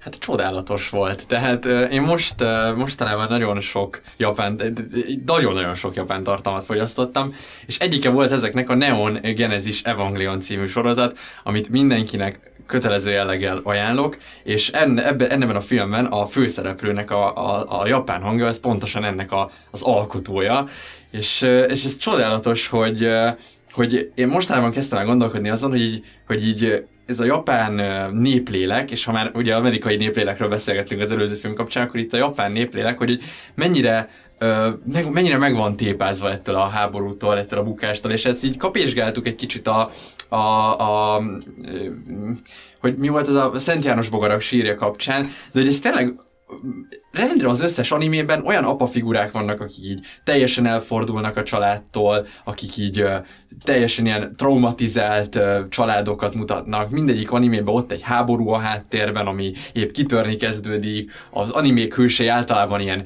uh, próbálnak valahogy kimenekülni a háborúból, el, a Naruto, aki, akinek szintén ez a drámája, hogy hogyan tudnál, hogyan tudnál háború nélkül egy konfliktust végigvinni, vérontás nélkül, és hogy elképesztően, arra jutottam, igen, így a sok gondolkodás után, hogy elképesztően nehéz és tragikus dolog lehet Japánnak születni, főleg, hogy egy ilyen nagyon kollektivista társadalom, ahol így osztoznak egymás bánatában és egymás traumáiban, és kb. így minden generáció magára veszi ezt az óriási traumát, ami történt, és hát ezt látjuk a széltámadban is, hogy olyan, olyan szinten az egész szimbolizmusát, az egész grafikai megvalósítását, a történetét úgy áthatja ez a borzasztó nagy veszteség, ez a, ez a háború elvet. Tehát, hogy fú, az utolsó jelenet spoilerek nélkül ott így a, amiket ott, az az utolsó beszélgetés a Caprónival, hogy így, hogy így az a tényleg a teljes lemondás, hogy hát itt nem, de egy repülő se jött vissza, ugye utalva így a háborúra, meg a kamikaze hadjáratokra, és így borzasztó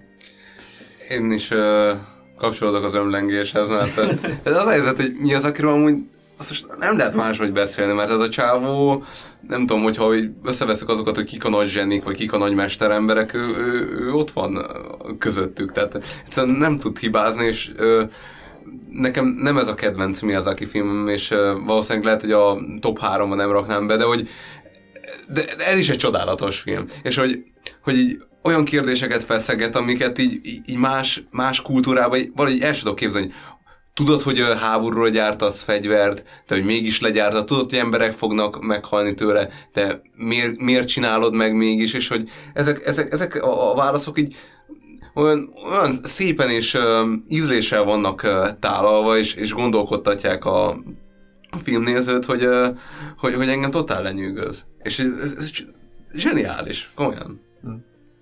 Hát én nem, nem sok egyebet tudok mondani.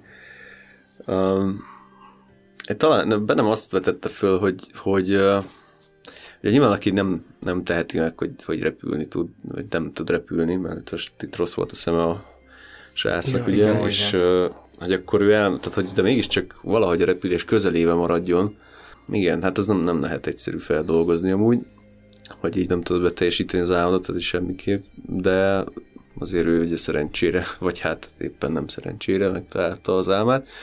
Mondjuk japán szempontból szerencsére, mert az írók, amikor kijöttek, akkor az, elintézték az amerikaiakat elég keményen. Megérte? Meg, milyen áron, ugye? Hát igen, csak aztán meg nem maradt pénzfejlesztésre, úgyhogy az amerikaiak aztán meg az írókat verték el, amikor Ja, ja. Meg teljes városokat. Igen. Igen. Ez egyébként nagyon izgalmas olyan szempontból, amikor ez a film kijött, ilyen nagyon kettős megítélése volt, mert egy Giro a, a, egy Japánnak egy jelentős részének a szemében én viszonylag laikusként mondom ezt, ez nem százszerzalékban biztos, de hogy ilyen háborús bűnösként van számon tartva. Tehát, hogy ez a karakter nem egy, egy úgymond nemzeti hős, vagy nem hmm. tudom, hanem, hanem valaki, aki valami egészen bestiális, szörnyű dolgot tett, és, és egy csomóan azzal támadták mi ezekit, hogy, hogy egy háborús bűnöst éltet. Tehát, hogy az a, az a morális kérdés, amit ő meg, megpróbált felvetni, hogy mennyire nehéz, hogy van egy ember, aki művészként dolgozik, úgymond, tehát egy, az egész álma a repülés, és hogy független, tehát hogy így ő nem tehet technikailag arról, és hogy mennyire nehéz, és vívódnak az emberek. Ők, a nézőközönség egy nagy részében ez nem annyira jött át, és így annyi maradt meg, hogy, hogy egy háborús bűnös. Több, többször ki szól a karakter, hogy ez így hogy nem jó háború, meg hogy hát vannak ilyen pacifista mondatai a főszereplőnek, úgyhogy nem is értem, hogy ezt hogy lehetett félreértelmezni. Ez annyira jellemző, hogyha egy valamiről egy ilyen disztingvált véleményt akarsz mondani, vagy, vagy így, tudod, tudod így, így valamiben másképp gondolkodsz, és, és árnyaltabban, akkor így rögtön rád bélyegzik, hogy, hogy egy picit is megmered említeni, hogy nem tudom, van egy téma, amiben, amiben te egy kicsit ilyen megengedőbb vagy, vagy úgy, úgy gondolod, hogy ennek talán van egy másik oldala is, hogy bármilyen, bármilyen példára gondolhatunk, most nekem nem jut eszembe hirtelen se, de mit tudom én, mm, abortusz. Mondjuk valaki azt mondja, hogy de azért nézzünk, nézzünk már át a másik oldalra is, hogy ők, ők talán miért állnak amellett, hogy, hogy ne lehessen ezt egyáltalán. És hogy, és nem, és akkor te rögtön meg vagy, hogy te undor, te el akarod venni a nők jogát, a, és hogy és ez, ez, ez annyira idegesítő, hogy itt is mi az, aki mondani akar valamit, ami tényleg egy, egy árnyalt dolog, vagy hogy lássuk már egy kicsit oda is, hogy,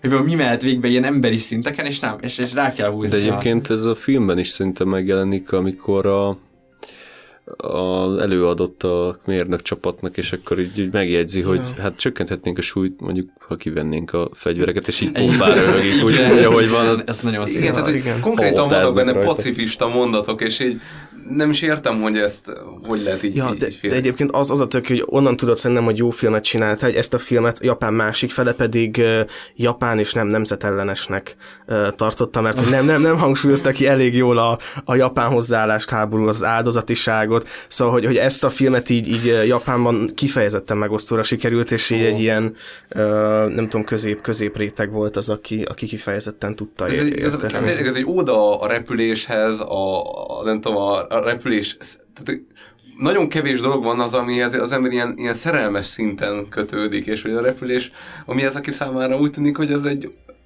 nem, nem tudom, a vándorlópalotát nem láttam, de ott is végig is az is repülne, meg, meg a repülésnál egy ilyen visszatérő. Ja, igen, igen, hát van a Porkoroszó, a mesterpilóta, az égi palotában ugye repülnek a palota körül, igen. a Nausicaa szél harcosaiban szintén repülnek.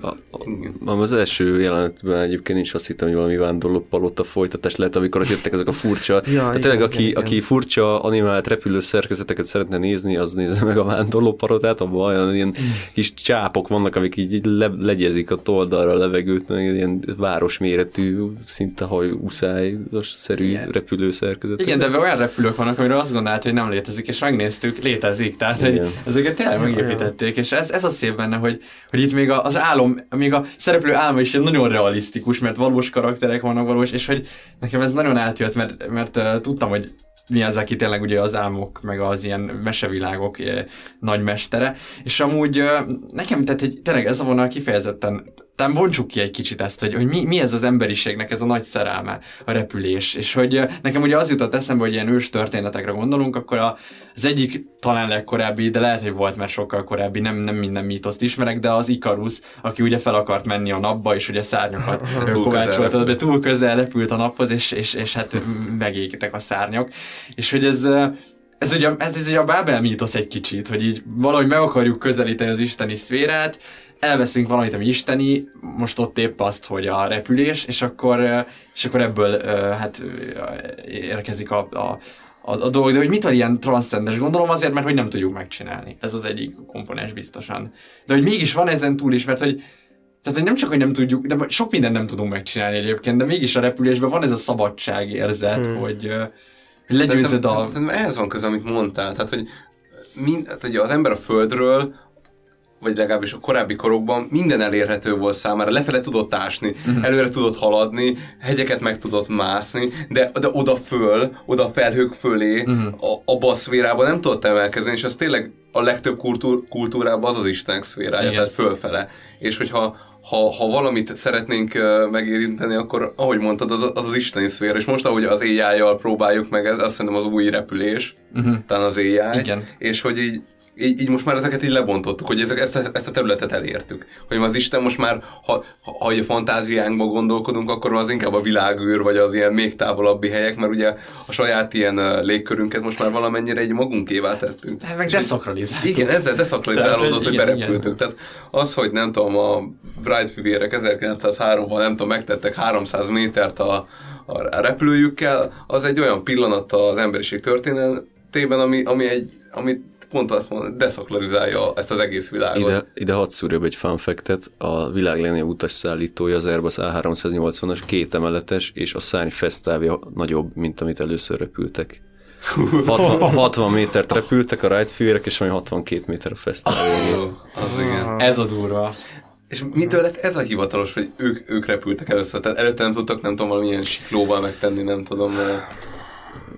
200 métert, mert azt így... Hát vannak, vannak nagyon vicces videók, hogy próbálkoztak még a Leonardo-nak ezt a spirál dizájnját átépíteni, de ahogy látod, azt, hogy valahogy úgy nézett ki, képzeljétek el azt az 1800-as évek végéig kis épp, hogy mozgókép, ilyen szóval a kis cilinderes emberek ott próbálgatják egy autó, egy ilyen traktorszerűség motorját így megbügykölték, és föl, fölfele kijön belőle egy tengely, ami van ez a spirál, de csak egy fordulatnyi fémlemezből, és akkor azt pörög, mint az állat, meg ugye a pörgés miatt az egy minimális felhajtó hogy termet így föl meg le, így, így oszcillál, és attól, hogy elpattog az egész jármű, ugye, és ilyenekkel próbálkoztak. Tehát, hogy ez olyan zsenés, hogy tényleg, hogy nézed a madarakat, de amúgy meg egy fingod nincs arról, hogy most ezt hogy kéne megcsinálni. És azt hiszem az egyik adásban említettétek, hogy az ilyen rekordokat, tehát hogyha amit már így egyszer Igen. elér az ember, vagy mint emberiség, az már úgy onnantól meg kinyílik egy kapu, megtörik a jég, és akkor onnantól meg lehet fejleszteni. A sportban beszéltük ezt, hogy, hogy, hogy, hogy nagyon furcsa ez a fling hatás a sportban, hogy ha megcsinálsz egy rekordot, akkor már a következő már meg tudja dönteni azt is, de hogy addig azt, azt hitted, hogy azt,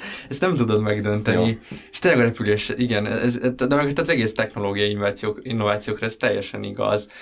A, ami amúgy szép, abban, hogy Leonardo-t hoztad be, hogy, hogy uh, itt ugye beszéltünk arról, hogy a művészet és a, és a, és a, és a, a, a tudomány, vagy hát így a, a, a kreálásnak a kapcsolata, hogy ő elsősorban egy művész, de ugye mérnökként uh, kamatoztatja ezt, és Leonardo volt ennek az aretipusa, aki ja, művész, és, és művészként rajzol, de hogy ugyanakkor ő egy tudós. Polihisztor. És, egy polihisztor, igen. És, igen.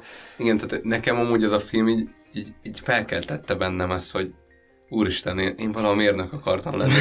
Előjöttek, előjöttek benne az én mérnök, ú, de azok a rajzok, azok, az a feltalálás, hogy ez a legszebb dolog az emberiség történet, hogy valami újat feltalálsz, ami működik, és látod azt a valóságban, hogy amit kitaláltál, az nem csak egy elmélet, hanem az ott repül, és hogy ez milyen nagy igen. élmény lehet. Hát tényleg ott a halszálkában nézi meg, hogy az lett egy ideális Igen, igen. Csodálatos. Én ott, én ott így... Az, az nekem is ott, a, amit a egyetemen, egyetemi éveim, ahol kicsit így komolyban belementünk ezekbe az arra dinamikai dolgokba, ott egy kicsit ott megcirógott ezt az oldalon. Hát igen, meg ebben az is benne van így, hogy, hogy a természet az így képes ezeket megcsinálni, uh-huh. és hogy, hogy hogy az Istenben működik az, a tudás, a tudás az már csodálatos dolgokat termel. Van valami, tehát van már egy alaptudás, amit az embernek csak ki kell bontani. Igen, igen, és ez az, amit beszéltünk sokszor, hogy, a, hogy az ember, tehát hogy én, én azt szoktam ilyenkor példálkozni, hogy az őskorban már a Nietzsche ott volt a magva, csak ja, ki kell igen, bontani, igen, igen. és hogy igazából nincs új a nap alatt, hanem mi csak figyeljük a valóságot, és abból kiszedünk infókat, amiket aztán tudunk kamatoztatni.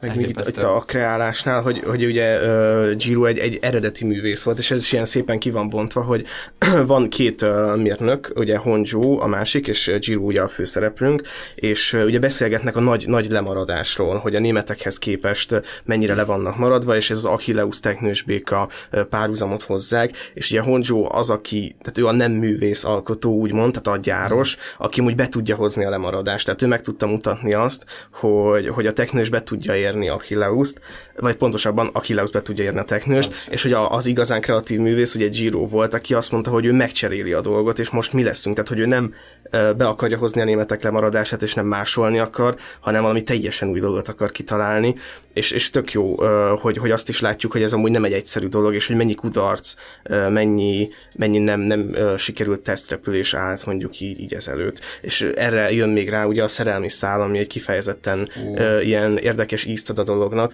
ami még, még így szerintem fontos tudni, hogy ugye az, a japán kultúrában a, az embernek az elsődleges környezete az a munkakörnyezete. Szóval, hogy ami mondjuk nekünk a család, az nekik a munkakörnyezet, és hogy, hogy nekik például ez is egy ilyen reform gondolat volt, hogy mondjuk egy férfi nek mondjuk így kiderül, hogy nem tudom, mondjuk valami baj van a feleségével, de éppen dolgozik, és akkor így valahogy elszabadul a munkából. Tehát ez valami értelmezhetetlen dolog. Ez olyan, mint hogyha így otthon lennél, és akkor így felhívnának az egyik munkatársad megfázott, és akkor így meg, meg elmész meglátogatni. Tehát, hogy ezt nem, nem, nem csinálod. Aha. És hogy, hogy itt ennek így tökre kiéleződik a drámája. Tehát nekem a kedvenc jelenetem, amikor... nézni. Nekem az fizikai igen, fáj. Tehát, hogy igen, igen. Úristen, hogy hogy lehet egy ilyen munkamániás társadalom. Nem véletlenül találták meg egymást a németekkel a háborúban. ja, mondom, igen, hát, igen, egyébként ebben van valami. Hát, hogy két ilyen munkamániás népet, meg ez a precizitás, meg ez a, ez a igazából, hogyha ezt a filmet nézed, két órán keresztül igazából csak azt látod, hogy a csávó 0-24-ben dolgozik. Tehát, hogy így dolgozik, számol, rajzol, épít, újra feldolgoz, és hogy valahogy ez a szerelmi szál is annyira ilyen európai szemmel így, így, így mi a fasz? Igen. Viszont ugyanakkor az egyik legnagyobb európai gondolkodónak, Thomas Mannnak egy karaktere bedekerült a, a műbe. Ugye Hans Kastorp, aki a csodálatos Varázshegy című regénynek a főszereplője, aki pontosan ugyanazzal a betegséggel kerül a Hans Kastorp a Varázshegyre a Thomas Mannban, mint ami betegsége a feleségnek van. Ez egy, hogy hívják egy TBC, TBC tuberkulózis. Tuberkulózis, ezt kerestem. Igen, ami, ami kifejezetten szomorú ezzel kapcsolatban, hogy mi az, akinek az édesanyja 9 évig volt ilyen tüdőszanatúr laboratóriumokban, mert ő is tuberkulózis volt, és a, a, a Totoróban is uh, ott is van egy anyakarakter, Igen, és neki, oh, neki is TBC-je van, szóval a TBC az egy ilyen nagyon központi eleme a az meg a Giro is, az igazi is TBC-be halt meg, azt hiszem. Oh. Uh, ez mondjuk ez durva. A, igen, igen. Ugye előtúra. És igen, de és ez, ez elképesztő, hogy tényleg a Hans, Hans Kastorp, aki így ott így, és így elmondja, hogy mi lesz a háború, és így mindent elmond, és így ez a bölcs karakter, akit így nem is tudod igazán, hogy most tényleg igazi, vagy csak mi látjuk, és elsőre van is egy ilyen jelenet, ahol így bejön, a, bejön az apuka karakter, és így már nincs ott a kezdtem, de később meg beszélgetnek, Jó, igen, igen. és nem tudod, mert összemosódik a valóság, a, a, a, a művek, a birodalma, az álmok, és ott, igen, ott az egyik olyan pillanat, ahol így ilyen mi ezek is van egy ilyen karakter, aki valami varázslatos emberke, úgyhogy az nagyon-nagyon tetszett nekem az a, az a, az a szek- szekciója ennek a filmnek. Nekem ami még ilyen kifejezetten uh, szép volt ebben az egészben, bár ezt már csak így nagyon, tehát nagyon sokadik megnézésre uh, értettem meg, vagy így nem feltétlenül megértettem, hanem hogy így ez, a, ez az értelmezése jött be, az a maga a széltámad vers, uh-huh. ez egy ilyen Valeri vers, valószínűleg rosszul ejtem a nevét, uh, a tengerparti temető, ez, ez, a, ez a vers, amiből ki van ragadva ez a sor, és az egész vers tulajdonképpen arról szól, hogy ha egy, egy kreatív ember, vagy általában egy ember egy ilyen inséges időkbe születik, mint például a második világháború, akkor mit tud tenni, és hogy a, hogy a, film, vagyis a versnek az a, az a kicsengés, hogy meg kell próbálni élni, és hogy ez, ez nagyon szép szerintem, és és hogy, hogy ez végigkövethető uh, mi az akinek a pályáján is, hogy ő tényleg megpróbált változtatni így nem tudom a közgondolkodáson, vagy így a néplelken, ez nem feltétlenül uh, sikerült, vagy nem, nem tudom, hogy mennyiben sikerült, és hogy, hogy, hogy ebbe így beletörődni, van, van ebben egy kicsi, kicsi, kicsi pessimizmus is szerintem ebben a filmben, uh, főleg az utolsó jelenetekben, hogy mi lett a nagy álmokkal, vagy hogy mire használták őket de ennek ellenére meg, meg kell próbálni élni, és hogy nekem kifejezetten tetszik ez a, a szél támad, meg kell próbálni élni, különösen megint csak a Totoróra utalva, mm. hogy a Totoróban elhangzik egy olyan mondat, az idősebb kislány mondja ki, hogy mi magunk vagyunk a szél. Tehát, hogy, hogy igazából ez, ez így azt jelenti, hogy, hogy amíg a teszelet fúj, tehát amíg élsz, addig így meg kell próbálni tenni, és... Kíváncsi lennék, hogy most melyik a helyes fordítás, mert a a Kosztolányi, amikor lefordította a verset, ő azt úgy fordította le, hogy szél támad, élni próbáljunk meg újra. És egy kicsit szerintem teljesen más. Ja, igen, de, igen. Mert hogy másként ér, mert én, én is ugye, ahogy a filmet néztem, ott úgy volt, hogy meg kell próbálni élni, és akkor én nekem teljesen az volt az érzésem, hogy meg kell próbálni valahogy ezt az egészet túlélni. Tehát, hogy aha, aha.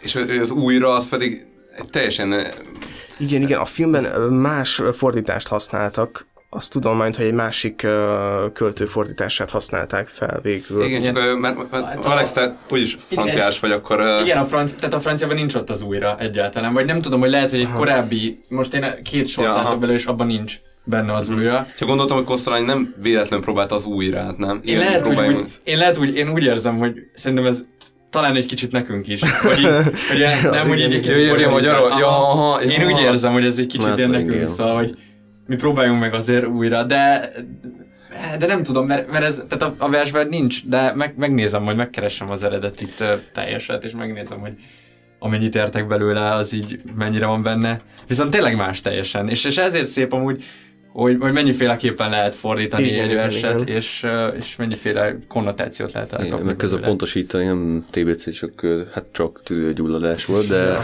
a francia szára kötve, az észrevettem, hogy a, mintha a zene is kicsit franciás lett volna az elején, közepén meg inkább az az ilyen Európa és ez a német, pont amikor ugye ott volt igen, igen. Junkersnél. Tehát, hogy ott, igen, hogy valami francia szál ez lehet benne, vagy nem tudom, de hmm. úgy kell. Ez, ez érdekes, hogy nem tudom, miért, miért ennyire a francia Hát talán azért, mert az a szerelem nyelve, vagy nem tudom. De így, így, így, hogyha már egy ódát csinálsz, gondolom az egyik kedvenc dolgodról, akkor azt így valami franciát bele kell csempészni, vagy nem tudok más. De aztán lehet, hogy van mögötte valami uh, mélyebb dolog. Lehet. Ez nagyon hosszú vers, most megtaláltam, ezt nem fogom olvasni most, de, de majd uh, update-elek. Igen. Igen. De minden esetre szerintem ez egy, ez egy jó üzenet, szóval, hogy így, mert egy, ez folyton, tehát igazából minden időt lehet inséges időnek értelmezni, tehát itt vagyunk a globális felmelegedés küszöbén, és hasonlók, és hogyha valaki elkezdeni, elkezdene gondolkodni azon, hogy így mit lehet ilyenkor tenni, hát meg kell próbálni élni, szóval csak így, így csinál dolgokat, és aztán hát, ha lesz valami. Na, és akkor nyissuk ki azt a... Ültes fel. Így van, igen, fel. igen. Ültes fel, Alex. Ja, most már a vendégtől is megkaptam ezek szerint, akkor igen, tényleg igen. igyekezni fogok, igen, hamarosan.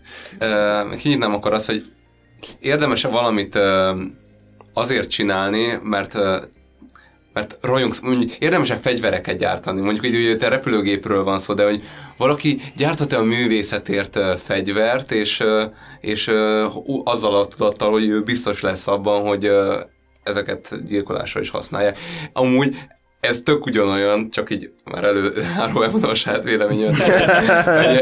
csak hogy pont beugrott, és ezért akarom mondani, hogy elfelejtem, hogy van a Kill Bill 1. És hogy a, Ugyanerre gondoltam. Ki, ki, ah, ugye? A Kill Bill 1 van uh, Hattori Hanzo, ja, aki, aki így a, rohadt sok uh, ilyen um, ö, szamuráj kardot gyártott le, csak aztán, aztán egyre jobban nyomasztott az a gondolat, hogy ezzel embereket ölnek, és utána ő már csak így kirakta őket a falra. Igen. Igen, az a helyzet, én ezen gondolkodtam sokat, és hogy igazából bármivel lehet ölni, nem? Tehát, hogy így bármivel... Jaj, de most érted? Jó, mondjuk egy, egy könyvvel nehezebben lehet Jó, nehezebb, világos, csak uh, hogy... Hát most, hogyha nagyon izé akarok lenni, jó, a könyvvel lehet a legtöbb igen, embert okay, megölni. Csak hogy... De ezt nem arra gyártották. Igen, de hogy én azt akarom mondani, hogy ne, nekem van egy ilyen...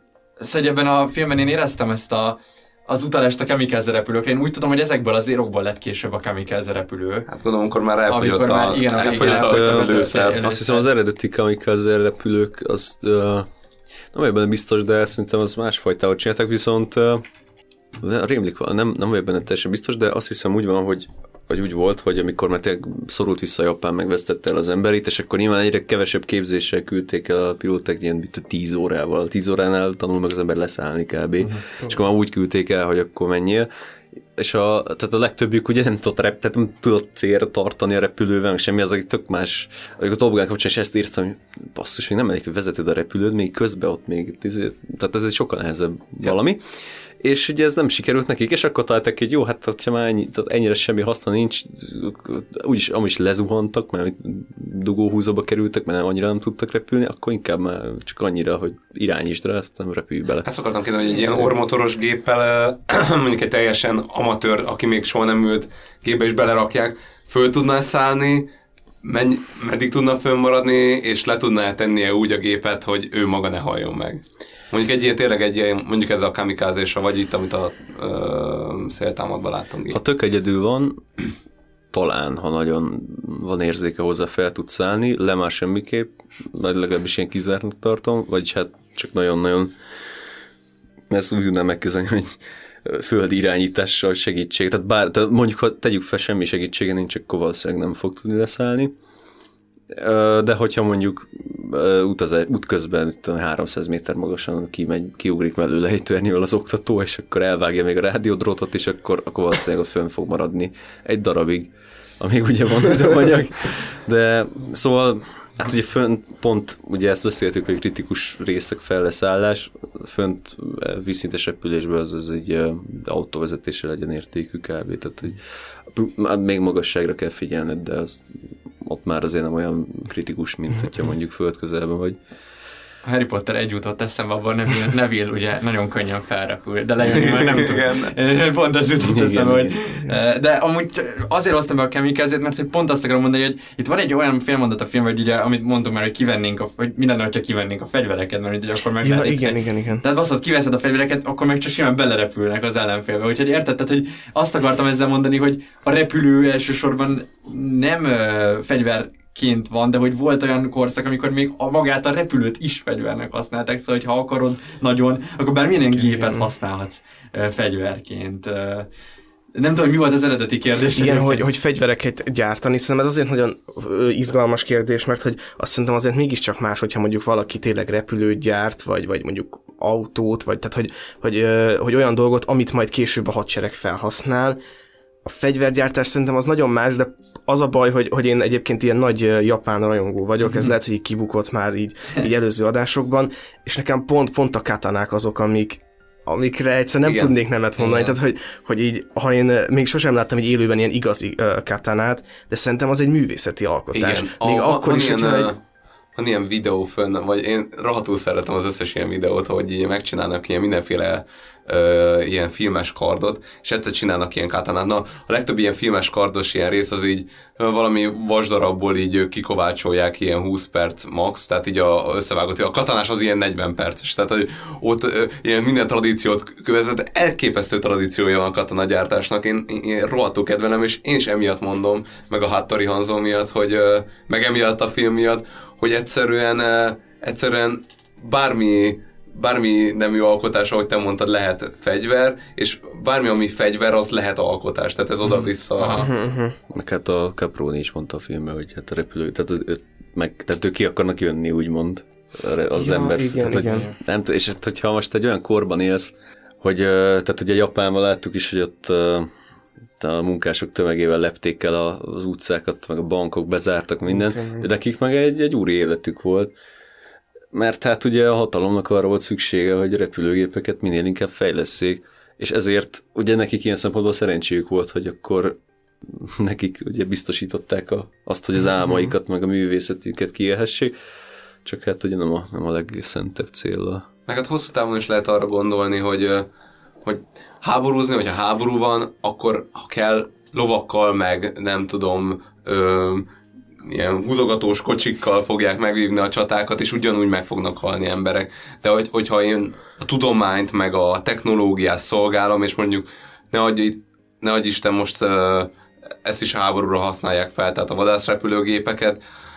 de annak a hosszú távú polgári felhasználását is látom, hogy jó, egyszer lesz az, hogy nem lesz háború, és akkor viszont milyen jó lesz, hogy ezekkel a repülőgépekkel már utasokat lehet szállítani, nem tudom, segélyeket lehet vinni, nem különböző egyéb felhasználási módokon lehet majd hasznosítani, tehát azért uh, itt ezek az emberek sokszor tekintettek a háború utáni időkre is. De ha beosztod, hogy tudomány, akkor mi a véleményünk arról, hogy tudományos felfedezést tenni a háború érdekében? Gondolok Igen. itt atombomba Igen, feltalálására, ami, ami tehát készségtelenül elő, elő mozdít. Tehát, hogyha megtalad a kritikus tömeget, akkor valami olyan szintű, nem is tudom, atomfizikát végeztél el, ami majd később segít abba, hogy nem tudom, hiperkondenzátorokat építsünk, vagy valami, hogy ezt is mondhatjuk, de hogy Hát figyelj, Oppenheimernek az volt az, az első mondata, hogy én lettem a halál, a világok pusztítója. tehát, hogy én nem, nem érzem azt az ilyen, tehát ő rajta mondjuk pont nem éreztem azt, hogy így ilyen nagyon pozi- pozitívan állt volna hozzá,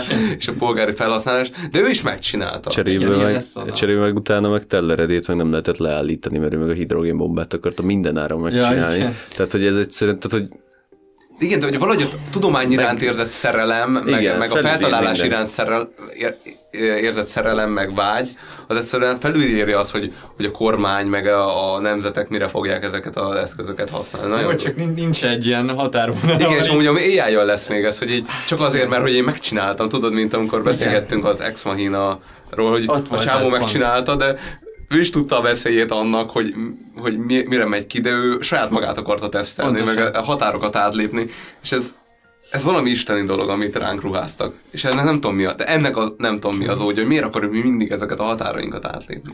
Ja, meg pont, pont az a durva, hogy és tényleg nincsenek határok, ahogy Gábor is kiemelte a filmből, hogy ezek a repülők ki akarnak jönni, és hogy, hogy tényleg egy csomó ilyen, akik így bele vannak szeretve egy tudományágba, egyszerűen így nem, nem hiszem, hogy le tudják magukat korlátozni. Tehát egyszerűen csak így, így kibukik belőlük ez a, Hmm. ez a, ez a felfedezés. De szerintem vég, végtelenül nehéz. Tehát én, én mondjuk megnéznék egy olyan filmet, ahol mondjuk egy tudós felfedez mondjuk egy típusú gázt, és akkor tudja azt, hogy ezt egyébként vegyi fegyverként fogják használni, és hogy akkor mondjuk ezen így elkezd örlődni, hogy mondjuk elkezdi szabotálni a, a kutatásokat, de hogy szóval ez ilyen tényleg baromi nehéz kérdés, mert lehet azzal relativizálni, hogy más úgy is meg fogja csinálni valószínűleg, hogy ha te nem, akkor majd valaki, ezek az emberek valószínűleg úgy is meg fognak halni, szóval, hogy így tényleg baromi nagyon, nagyon vagy szerintem nagyon nehéz morális kérdés egyébként. Abszolút. De amúgy meg nem tudom, tehát mindig a, szerintem a háború az így olyan szinten, tehát amúgy is lenne fejlődés, de, de a háború olyan szintre emelkedik, Ja. olyan nagyon tömény. Most gondolj bele, hogy Top Gunban is láttuk ezeket a hiper-szuper, az is 80-as évek technológia, meg az Airbus is 80-as évek technológia, és éges föl a kettő, tehát a katonaság az ilyen évszázaddal Ja, előrébb van körülbelül az Igen, ilyen igen. dolgokban illetve az atombombából meg lett energiaforrás, a hidrogénbombából is majd lesz gondolom, a fúziós, ott, hogyha megépítik, mit tudom én, 50 éven belül. Igen, előző adásban beszélgettünk, hogy mi lehet, a, mi lehet a környezet katasztrófának a feloldása, és így imádkoztunk egyet a, a Fúziós fúziós reaktorért. Igen, igen. Szóval, meg, meg az elején mondtad az Avatar, a léghajlítós sorozat a korrában, meg már ott már mind 70 év telt el, igen. ugye a száz éves háború óta, és ugye előtte minden visszaemlékezésben kb. ugyanaz a technológiai színvonal volt, és akkor ugye 70 év alatt meg hirtelen lett minden. Igen, és ott, ott is úgymond aláhajtják a technológiát már az elemeknek, Igen, és, és ott igen. is ez, ez megtörténik. Szóval ezek szerintem a háborúk ezek ilyen technológiai szempontból azok ilyen nagy kitörések, mint, kb. mint a napkitörés, vagy ilyesmi, és utána meg feldobja a szintet, és akkor ott meg lehet fejleszgetni a meglévő dolgokat. Szerintem akkor pontozzuk le ezt a csodálatos filmet. Én szívesen elkezdem ezúttal, és én azt mondanám erre, hogy ez nekem fenomenális élmény volt. Én, én nagyon-nagyon érzelmekig hatottam ebben a filmben, én könnyekig hatottam, és én egy, egy 8 és felet fogok adni. Ó, és azért a Vadon hercegnőjére. Nekem ez jobban tetszett, mint a Vadon hercegnő. Nekem ez így pont fordítva hmm. van, úgyhogy uh, nekem a Vadon hercegnője jobban tetszett, hmm. én erre egy 7 és felet. Hmm. Én mi az, aki volt, csak a Chihirót meg a Vándoró Palottát láttam, de de nagyon-nagyon azért már úgyis, tehát így rá tudtam mondani, hogy na ez, ez mi ez a kis, meg, meg repülős szempontból is nagyon tetszett. Tényleg én megnéztem kétszer, és hát nem tudom, nekem ez egy kilences. Hm. Tök jó, tök jó. Én, én kifejezetten féltem, én, én ajánlottam ebbe a tematikába ezt a filmet, és ez viszonylag megosztó ilyen mi az, aki rajongók között is. Sokan így azt mondják, hogy ez egy ilyen meh tehát ilyen középszerű uh, film így a, a többi alkotáshoz képest, és én nagyon örülök, hogy, hogy így, így tetszett, és nem az volt, hogy hát ja, akkor repülők, meg minden beszélünk róluk, úgyhogy, úgyhogy ennek végtelenül örülök. Én, én azt mondom, hogy ez, egy, ez tényleg egy, egy ilyen mestermű, de csak az ilyen, vagy úgy, úgy válik mestermű, hogyha sok háttér uh, tudással rendelkezik az ember, és hogy pont ezért nekem egy, egy 8 pont így, tehát hogy így uh, nem, nem mondanék rá 9-est. Úgyhogy megyünk is tovább az utolsó filmünkre, ami egy szintén egy me- mesteri munka, vagy egy, egy mesternek egy alkotás, ugyanis Martin Scorsese-tól az Aviátort fogjuk kibeszélni, és ebből hallgassatok meg egy, egy bejátszót. Nem elég jó, a fejeknek szintben kell lenniük. Minden egyes szegecs legyen besülyeztve. Ne keletkezzen turbulencia a teste. Tisztának kell lennie Odi. Tiszta, érti? Igen, Howard. Nem tudom máshogy mondani. Értem. Mi írtozott Jack? A TWA-nek új repülőgép kell. Egy modern gép. Ah, igen. És milyen gép? Szóval, a DC-3-ban 21 ülés van és 14 nyugágy. Mm, nagyobb kell? 50 ülés. És 4000 méteres magasság. Nem. 6000 méter. Gondolja végig, mi történik 6000 méteren? Kis turbulencia. Úgy van, mert a felhők fölött van. És Jack, mi ott akarunk repülni.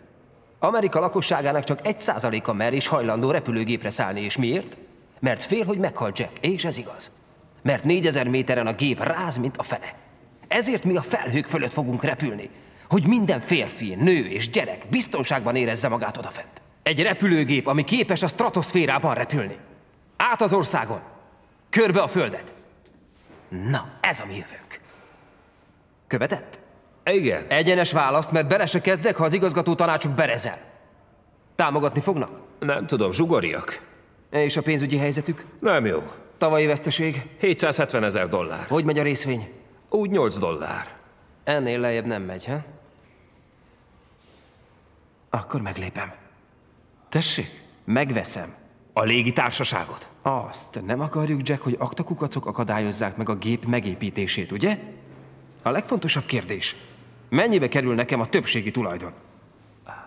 Mondjuk 15 millió. Elég nagy rakáspénz, nem? Az. Hívja fel Dietrichet. Kezdje meg a kivásárlást.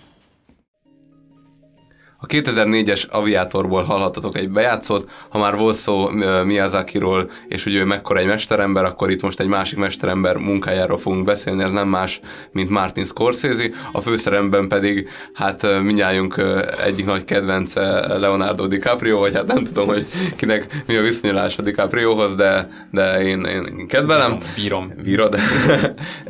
a történet Howard Hughesnak az életét követi nyomon, végigkövethetjük a kezdeti időszakot, amikor még filmezéssel foglalkozott, és producerkedett Hollywoodban az ő sajátos Playboy életmódját, és azt is, hogy hogyan vásárolja be magát a TWA repülőgép társaságba, és hogy milyen harcokat folytatnak a Penemmel, és hát a hatalmas nagy projektjét is, a Herkulesnek a megépítését.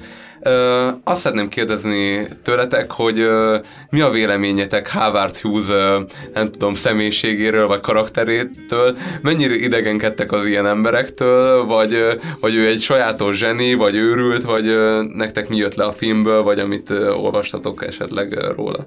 Hát igen, nekem az jutott rögtön eszembe, hogy van ugye ez a, a, a legklasszikusabb eloszlás a statisztikában, amit úgy hívunk, hogy a Gauss görbe, és hogyha ha valaki ugye bármit mérsz, akkor mindig kikapod ezt a Gauss görbét, mert hogy a, az emberek többsége az így valamilyen szinten közepes, valamilyen szint, kisebb, nagyon kicsi az az a, ezek a farok, tehát az outlier területek, amik ilyen kívülállók, azok nagyon rosszak, meg nagyon jók lehetnek. És hogy az jutott eszembe, hogy, a, hogy valahogy mindig az ilyen outlierek azok, akik elhoznak ilyen forradalmakat, vagy akik valamiért nagyon erősen meg tud, át tudnak ütni valami teljesen újat, és hogy itt van ez az outlierünk, aki egy, hát egy láthatóan ilyen OCD-ben, vagy valami ilyen pszichotikus OCD, nem tudom pontosan, hogy, hogy mi lehet, a pszichotikus az azt jelenti, hogy ilyen tév eszmény vannak, az OCD pedig egy olyan betegség, egy obszesszív, kompulzív betegség, amikor valamilyen hát valamilyen Kényszercselekvés, Kényszer, kényszer gondolatok. Igen, nem, nem csak feltétlenül én azt akartam egy cselekvés, de hogy nem csak cselekvés, hanem valamivel kapcsolatban kialakulnak ilyen kényszer gondolatok, amik egyszerűen nem tudnak, nem, tud, nem tudsz legátolni, és nem tud levetközni, és egy klasszikus fajta ennek amúgy ez az egészségszorongásból adódó ilyen kényszeresség, hogy így tényleg kezet kell mosni minden nap, félsz, hogy ha nem tudom, valaki megy melletted, akkor ő lehet, hogy lehet, hogy beteg, és akkor te is megbetegszel, és hogy sok-sok magyarázata van ennek, amúgy ne, nem, nem tudom, hogy mennyire lehet ebbe belefutni, mert a film is egy kicsit pedzegeti, hogy van itt egy nagyon rossz anya, aki ilyen már az elején eleve rossz mintákat ad ebből, és hogy lehet, hogy az anyai kötődésnek is köze van ehhez, ez is egy elmélet, de hát van, akik szerint ez egyszerűen genetikai dolog. A lényeg az, hogy benne valahogy ez az OCD átalakul egy ilyen, egy ilyen vagy nem is átalakul, inkább táplál és fűt egy ilyen nagyon erős ambíciót is arra, hogy valami tökéleteset teremtsen, vagy valami nagyon kimértet, és, és hát akár egy filmben, két filmje készült egyébként rendezői pályafutásai során, egy, egy repülős háborús film, meg egy western, és mind a kettő között, vagy kettő között ilyen 17 év telt el, azt hiszem, és mind a kettőt hát ilyen... Nem, többet csinált. Hát ő csak a, a, az eredeti uh, sepphelyes arcot is. Nem, az csak producerelte. Jó, csak. Az csak, igen, a producer... Ő csak rend, ja, rendezőként. De rendezőként, igen, hát nem is is tudod volna többet, mert annyira minden tökéletes. A Hells Angels, meg a... A Hells Angels, meg az Outlaw, Outlaw című film. És, és hogy tényleg azt láttuk, hogy tehát, olyanok vannak, hogy rep, repülőket akar ugye felvenni, és ugye rájön, hogy hát nagyon lassúnak tűnnek ezek a repülők. Miért tűnnek lassúnak? Mert az égen nincs semmi, ami az viszonyíthatnád az ő gyorságukat. Úgyhogy ki kell várni azt, amíg egy felhő elmegy ott a, ott a, a forgatási terület mellett, és ezért addig ott kell parkoltatni napi 15 millió dollárért azokat a katonai repülőgépeket, amiket kölcsönöznek, elképesztő a csávó.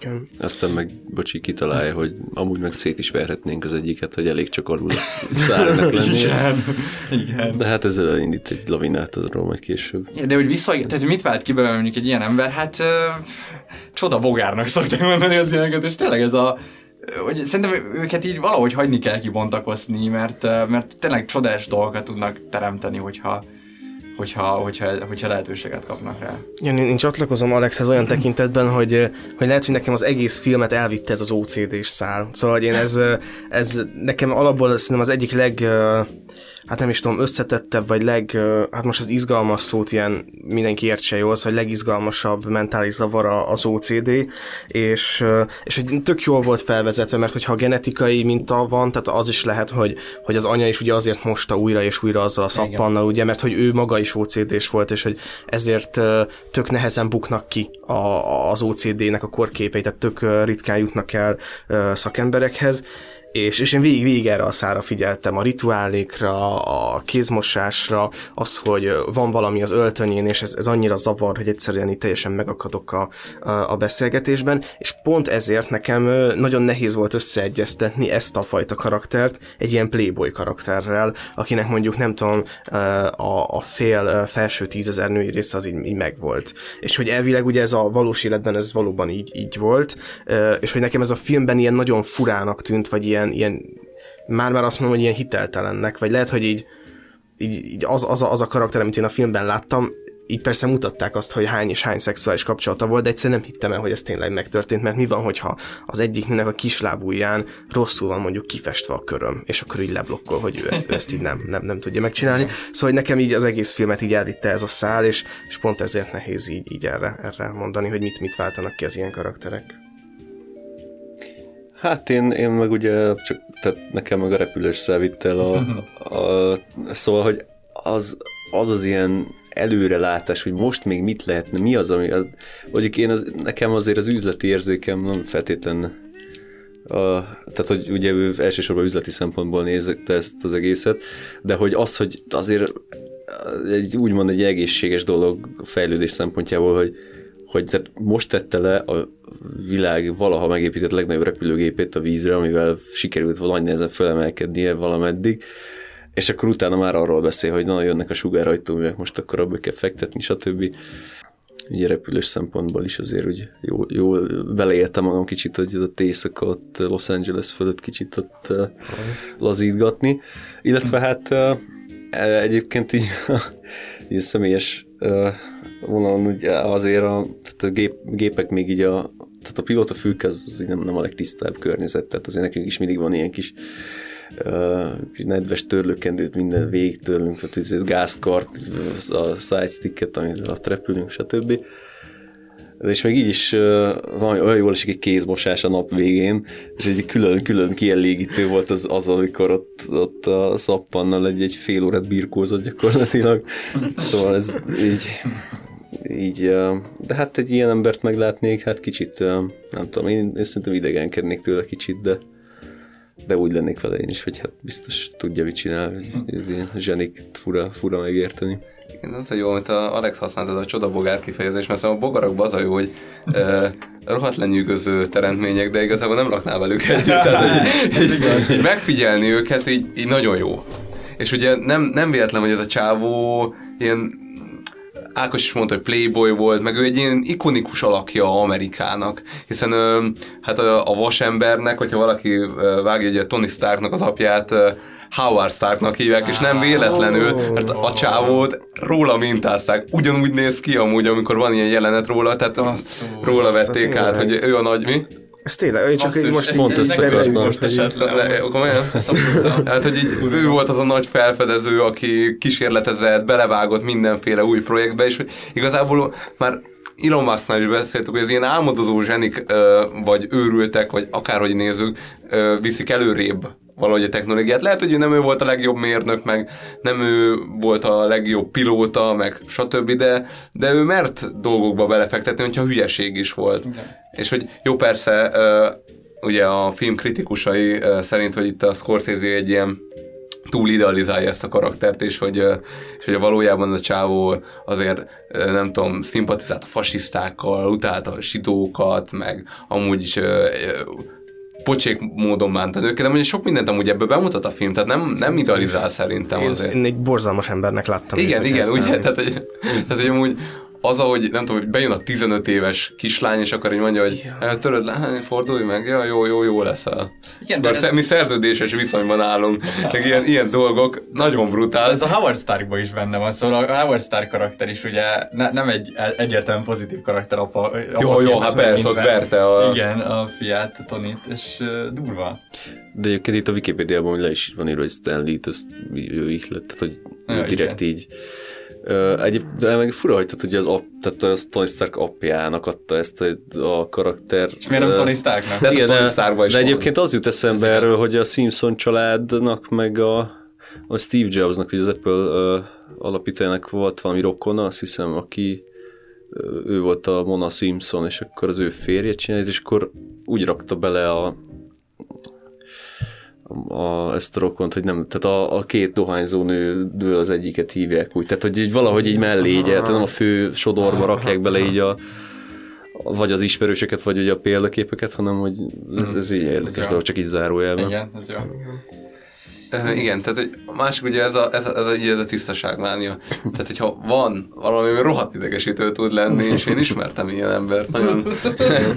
és most egész közelről. Egész közelről ismertem. Így uh, mondjuk kinyíltan, hogy mi, mi éltünk együtt egy ilyen, ilyen, uh, egy ilyen kolis rendszerben, mint harmadik szobatársunk, egy, egy, hát egy ilyen Howard karakterrel, aki hát nagyon hasonlóan viselkedett, csak nem volt mellette playboy. Maradjunk ennyiben.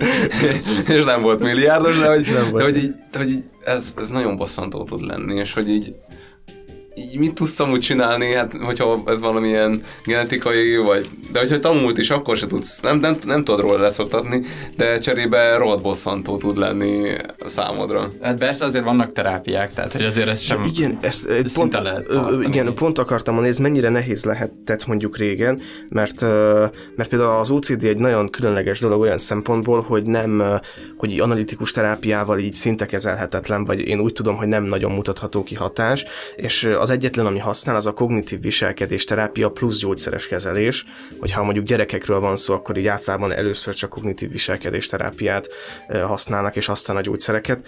Tehát, hogy hogyha ez még így ki is derül, tök nehéz szerintem eljutnia valakinek egy ilyen jó ellátásba, főleg régen. Szóval, hogy, hogy így ez így nehéz lehetett. És azért ez kifejezetten nagy szenvedést okoz, bár itt uh, szerintem ez jól be van mutatva a filmben, hogy mekkora káoszba tud süllyedni valaki, hogyha így, így, uh, így egy ilyen uralkodik el rajta. De elvileg az életének a második részét azt már így bezárva töltötte, tehát hogy így nem is nagyon kereste az emberekkel a, a kapcsolatot, de hát így a film vége is tesz amúgy rá egy ilyen utalást, hogy így bár megcsinált, hogy ezt a repülőgépet felszállt, meg sugárhajtás, de ő, de ő, ő már nem tudott ennek nagyon így, így, így, így határokat szabni, és egyfolytában eluralkodott rajta, és tényleg az életének a második rész az már inkább ilyen bezárkózott volt.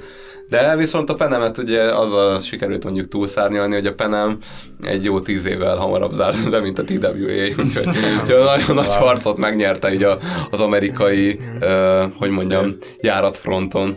Ami pedig amúgy a film alapján így tök úgy tűnt, hogy, így, hogy ő ezt nem fogja tudni Úgy, lemenedzselni, mert széllel szembe harcol, hiszen Igen. az egész szenátus minden nem is meg tudom. mindenki meg volt kenve, Mindenki eszméletlen történelmi kenve, korok voltak ezek, hogy, hogy így úgy kentek meg szenátorokat, és hogy igazából Volt. Ameri... Ja, igen. De csak most már lehet, hogy nem a repülőgép lobby, hanem mondjuk a fegyver lobby, meg uh, hát Igen. um, nem tudom, hollywoodi lobby, de hogy így um, nagyon durva. Igen. azért fura volt látni, hogy, hogy ott is, tehát hogy valami, hát nem azt mondom megnyugtató, de hogy így azért, ja, hogy nem csak itthon megy, hogyha mondjuk kinéznek valami cégedet, akkor jön itt a politikai, meg hatósági zaklatás. Ja. Hát Igen, ez, ez, szempontból- szó- nem tudom, hogy megnyugtató, vagy inkább, vagy még Hát igen, nyomasztó, igen, még nyomasztó, igen, de, hogy- de hogy ez a, jó, nem, nem vagyunk az egyetlenek, oké, okay, de, Ja, persze. de akkor mindenki ilyen basszus, de akkor, akkor nincs hova menni. Én nem is értem a filmkritikusait most így, így tovább gondolva ezt a szállat, mert hogy, hogy nekem ami kifejezetten tetszett, az a, az a meghallgatás rész, ami, ami szerintem egy ilyen nagyon heroikus dolog volt, és hogy, hogy az ilyen, szerintem ilyen tök pátosz nélküli volt. Tehát, hogy, hogy ott ugye az, az egy ilyen klasszikus jelent, hogy hát igen, a negatív főhős, akinek amúgy nehéz gyerekkora volt, meg izé, és akkor ott megy a drámai zene, és ő kiáll a saját igazságáért. Így nagyjából itt is ez történt, de úgy, úgy volt felvezetve, hogy, hogy nem az volt, hogy, hogy hát igen, én végül is nem is vesztegettem meg senkit, meg én csak repülni szeretnék, és izé, hanem így mondta, hogy igen, megvesztegettem, tehát ez, ez teljesen legális, tehát hogyha, hogyha így nem akarják, hogy ez történik, akkor hozzanak ellene törvényt, és hogy ilyen nagyon jó érvekkel fel volt építve, meg nem volt egy ilyen pátosz benne. Be, Szóval ha belegondoltok, a- egy-két éve a Zuckerberg ült ugyanabban a székből, egy kicsit máshogy reagált az, az egész. tényleg, tényleg. Kicsit így falfehér volt az ember. Durva Tehát ő nem volt ilyen tökös.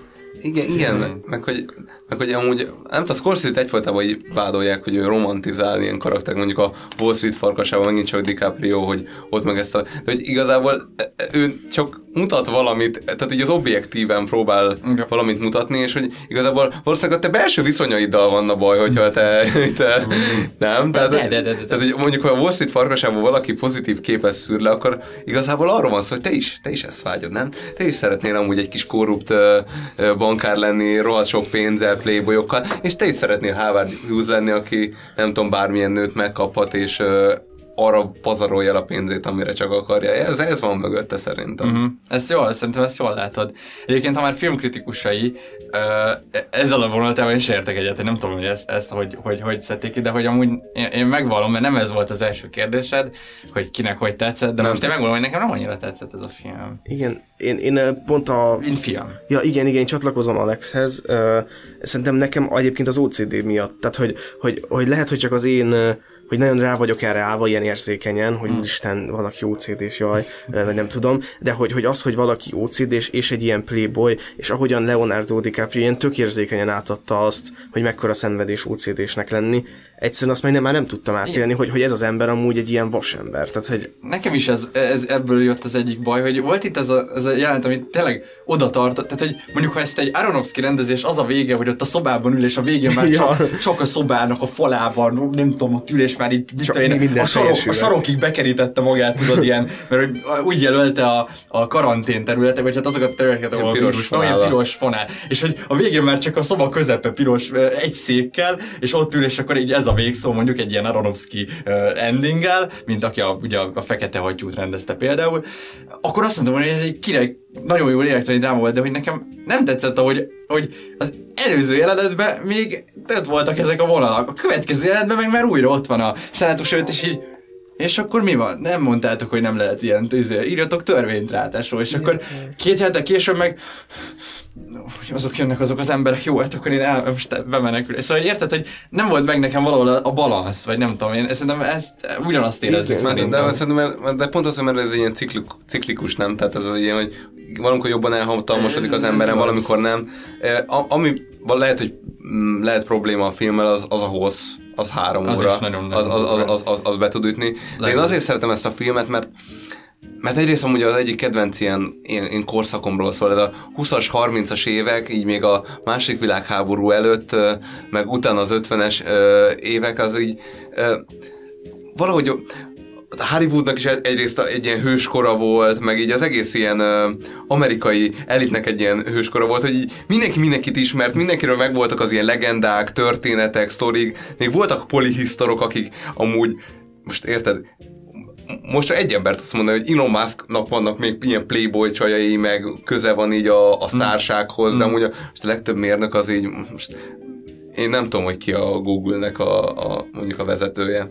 Ki a Google? én nem. nem tudom. Ne, nem tudok én nevet, de most érted? Tehát, hogy ilyen Ah. dolgokra gondolok, hogy, hogy akkor ezek még így a- én nagyon szervesen összefonódtak így a, az elitek, és, és az egésznek van egy ilyen, egy ilyen romantikája.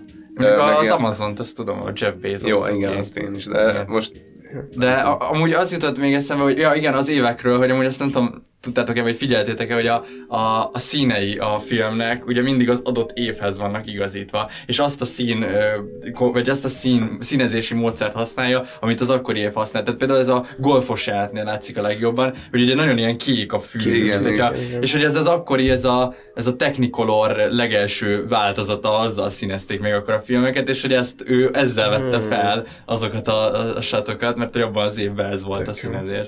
És hogy ez Ah, így, így jó. alakul folyamatosan, igen. Meg a zenék is nagyon-nagyon királyos. És megint Scorsese, igen. Scorsese az ilyen hű, ez a nem tudom, zenei palett, amit itt felsorakoztat. Mhm. Én még azt szerettem volna kérdezni, hogy ö, hogy mi a viszonya a mai pilótáknak ehhez a, ehhez a hőskorhoz, mert az ilyen hőskori repülőzéshez, ezekhez a régi gépekhez, vagy van, van-e bármilyen nosztalgia ebbe az irányba, vagy így, vagy így, vagy így titeket már így, így nem mozgat annyira, hanem így jók ezek a modern gépek, ezek biztonságosabbak, vagy így azért kipróbálnál mondjuk egy olyat, amivel ő azt a sebességrekordot megdöntötte. Hát én azt a kontrarotálós dolgot, amivel végül lezuhant, én az abba, azt kérdés nélkül kipróbálnám, de én személy szerint személy szerint én, én inkább előrefele szoktam tekinteni, hogy mik az újítások, de azért kétségkívül ez egy mondhatni unalmasabb korszaka egy repülésnek, hogy igazából vannak hatalmas áttörések fogyasztás terén, meg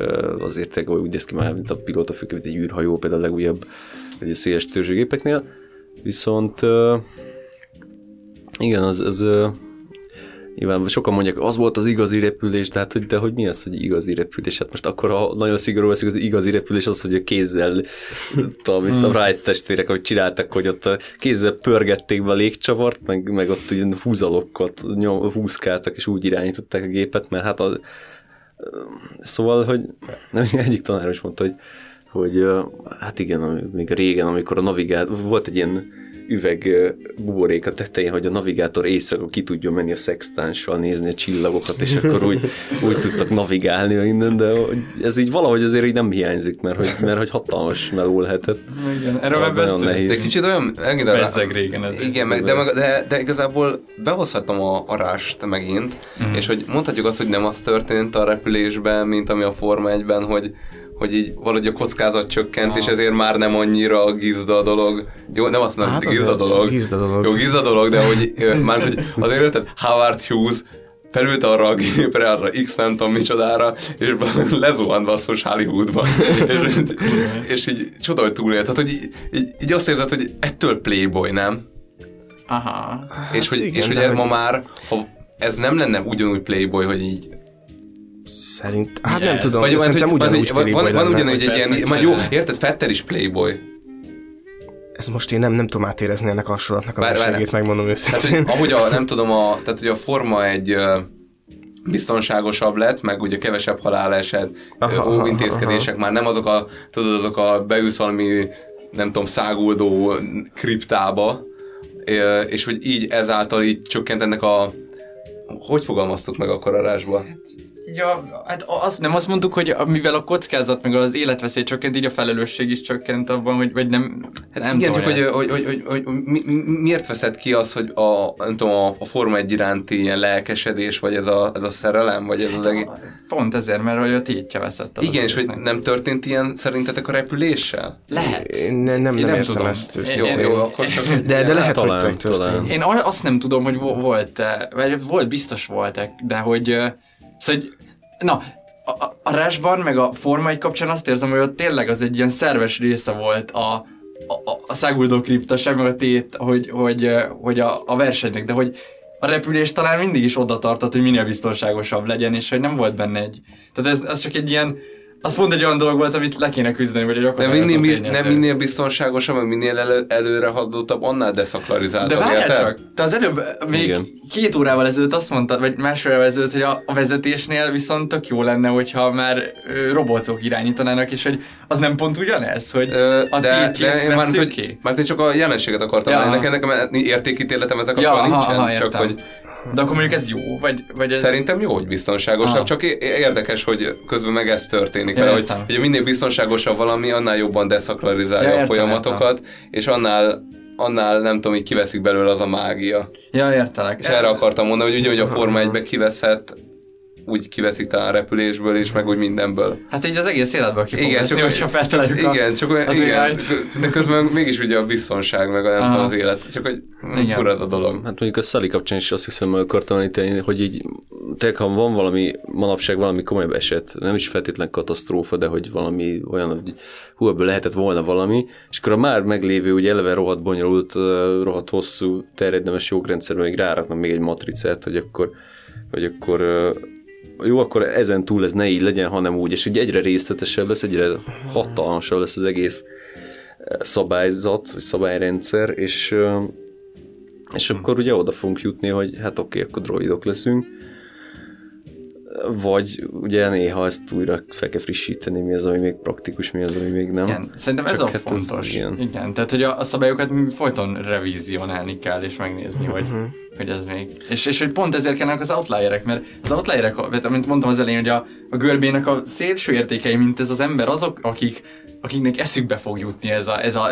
ez egy, egy hülyeség, hogy ilyet csinálok, és akkor ő, és ő lesz az az egyetlen ember, aki kitart majd a hülyesége mellett, és az ők mozdítják el majd a, az egész görbét maguk felé. Tehát érted, hogy csak csúszik a görbe, mert így fejlődünk, és mindig az outlierek mozdítják el a görbéket. Csak Ja, igen, igen. Én, lehet, hogy még arra gondolnék ezzel kapcsolatban, hogy lehet, hogy azért tűnik ez így, mert hogy, mert hogy azért Scorsese tényleg romantizálja ezt az egészet, szóval, hogy, hogy nem úgy mondom, hogy, hogy megmásít dolgokat, csak hogy én el tudom képzelni, hogyha mondjuk Scorsese most lenne, nem tudom, vagy erre a korra tekintene vissza, akkor tudna csinálni egy ugyanilyen filmet, ugyanígy playboyokról, és hogy Szóval szerintem ez inkább csak a narratíván múlik, hogy, hogy, hogy elvesztek a playboyok vagy sem. Vagy én arra gondolok konkrétan, hogy, hogy vannak még Howard Hughes-ok manapság is. Csak, mm. csak hogy azért nem tudjuk őket, mert szerintem, hogyha én a 20-as években éltem volna, akkor, se, akkor már nem, nem tudnám Howard Hughes-t, hogy kicsoda. Ne, szerintem tudná. Hát tudna, de csak hogy így, mint ma Elon Musk, hogy így Aha, épített aha. egy rakétát, ami le tud szállni, ő megépített egy repülőt, ami mind nagyobb mindennél. Jó, de szerint- ja, én csak úgy gondolom, hogy az a korszak amúgy olyan volt, hogy minden, mert hogy így mindenki közelebb volt egymáshoz, meg kevesebb szereplője Ja, az volt az igaz. egésznek, talán. Nem tudom. Amikor én a pornós adásban ilyeneket mondtam, Igen, akkor igen. rám sütötted, Ne- ez nekem- csak- nekem is ez- csak ilyen ez- ez a- ez a- ez a rossz érzésem, ez- Le, lehet, lehet amúgy. Nem tudom. Nekem most ez az érzésem, de az Mert hogy érted, meg hogy ha meg, megnézed a Twittert, hát ott aztán mindenki nagyon közel van egymáshoz. Igen. Mert érted, az összes ilyen tech ember tulajdonképpen Ráírsz- egymással beszélget. Elonra, ráírsz arra is visszaír. Visszaír, Tehát, igen, igen. PewDiePie ráír, és elmegy hoztolni a interjút. Jó, jó, végül, végül, is, eh, végül is meggyőztél. Uh, ja. Ja. Tehát végül is de, de kellenek az ilyen tökös emberek. Persze. Akkor Ja, persze. Persze. persze. Ezt, ezt mondom. Neked tudja, ott van Trump is a Twitteren. És még ő Azt lá- láttatok, amikor Trump kiposztolt egy mémet, hogy izé, ö, Svédországról, vagy nem is tudom, hogy, tudom. vagy fi- nem, bocs, nem Izlandról, hogy, hogy vigyázz Izland, nehogy így jár, és ott volt egy izlandi kisváros képe, és befotoshopolva rá egy arany Trump torony, és ezt Trump posztolta ki. Amanda a, a, a prezidentes oldalán. Az igazi, igen, igen, igen, a legit oldalára, bár Wow. meg is keresem. Hát ő mindent. Nagyon durva. Igen, de az biztos, hogy kellenek az ilyen karakterek. Tehát, hogy, és ez tök jó a filmben is, amikor a, talán a bejátszóban is elhangzik, hogy 4000 méter, és hogy nem 6000 méter. Tehát, hogy, hogy valaki ekkora nagyban tudnak gondolkodni. Az igen, és tényleg létezik ez, azt a szégyen. Igen, megmutattam. hogy- ja, durva. Igen. Mondjuk Jó, de ez így, ráadásul így van megfogalmazva, de jó. Jó, hát jó fej. Tök jó fej Trump. de szerintem ezeket komolyan gondolja. amúgy. Ekkor egy narcisztikus. Én nem tudom, hogy Megígérte, hogy nem csinálja, ott van. igen, igen, nektek is. Vagy belinkeljük a leírásba, és tök jó lesz. Jó, uh, pontozzuk le. Pontozzuk le a filmet, igen. Kezdjétek. Akkor én... Panaszkodja. jó, én akkor el- elkezdem a panaszkodást. Nekem ez tényleg nem, nem volt annyira jó, és lehet, hogy még az is rájátszott erre, hogy én nem láttam annyira sok Scorsese filmet, és most minden olyan Scorsese filmet úgy nézek, hogy "Ah, Scorsese, úristen, ennek most olyannak hát be fog szakadni a képernyő, tehát az annyira jó lesz. És ez Na azért... jó, ő nem az az alkotó azért, Nem. aki ő nagyon sokat csinált, és abból azért nagyon Ja. sok rossz is van. Igen, igen, ezt most már úgymond kezdem megtapasztalni, de azért ez nem volt egy rossz film, tehát azért így, ö, tök jó volt, 7 pontot adok rá. Szóval nekem, igen, tehát nekem, nekem így az egész dramaturgiája sem tetszett, és valahogy úgy éreztem, hogy a, amit a Scorsese a gangster filmekben jól csinál, meg ami, aminek jól áll a három óra, az itt nem volt valahogy, nekem valahogy itt nem működött ezek a, nem tudom, ezek a vágások eh, gyerekkorra vissza, izé, eh, építkezés lassan, aztán egy ilyen konfrontáció, és valahogy itt nem, nem éreztem annyira eh, jónak, úgyhogy én erre nagyon szomorú lesz. vagy, vagy nagyon meg fogtok vetni, de hat pontot Mint a fogok. Top Gunra, nagyszerű. Az durva. Hát ugye a hat Ez ponton nem már a- lennék amúgy felháborodva, hogyha nem a Top Gunra is hatott. Tudom, emiatt, igen, rájött. Ez már a igen, de- veszélyzóna. Ez nagyon kemény. Sajnálom. És? Hát igen, én is nagyon soknak éreztem ezt a, a játékidőt, de nekem igazából tetszett, bár én nem láttam olyan sok Scorsese filmet szerintem. Úgyhogy én is egy 7 pontot adnék rá. A repcsis részek azok nagyon jók voltak. Herkules, hát ez a mai napig a valaha megépített legnagyobb repülőgép. Aztán. Wow. Hát meg vannak olyan képek, vagy vannak képek és videók, ahogy így nem tudom, hogy szállítják így a ilyen korabeli felvételek, és így, de a filmben is van olyan, hogy le kell vágni vezetékeket hozzá, hogy így el tudják juttatni, és ugye csak így a, a vízről próbálták elindítani, és nem tudom, repült egy pár száz métert, Igen. ilyen 15 méter magasan, és ezt már ilyen sikernek könyvelt el. Igen, E, igen, e, tehát ilyen eszméletlen eszméletlen ilyen történelmi események is kapcsolódnak hozzá, vagy legalábbis a repülés történetéhez. Én, én nagyon kedvelem ezt a filmet, és elfogult vagyok, úgyhogy uh, én 8-at fogok adni. Igen. Úgyhogy igazából ez, ez lett volna a négy filmünk, amivel most a pilóta, pilótás adásra készültünk. Gábor, még egyszer nagyon szépen köszönjük, hogy eljöttél hozzánk, és, és hogy tényleg nagyon értékes, hát ilyen hozzájárulás voltál ez az adáshoz. Köszönöm szépen a meghívást, nagyon jó volt. És mi pedig három hét múlva fogunk legközelebb jelentkezni. Köszönjük, hogy velünk voltatok. Sziasztok! Sziasztok! Sziasztok! Sziasztok! Bejön a tejjel, bejön a tejjel, bejön a tejjel, bejön a tejjel, bejön a tejjel, bejön a tejjel.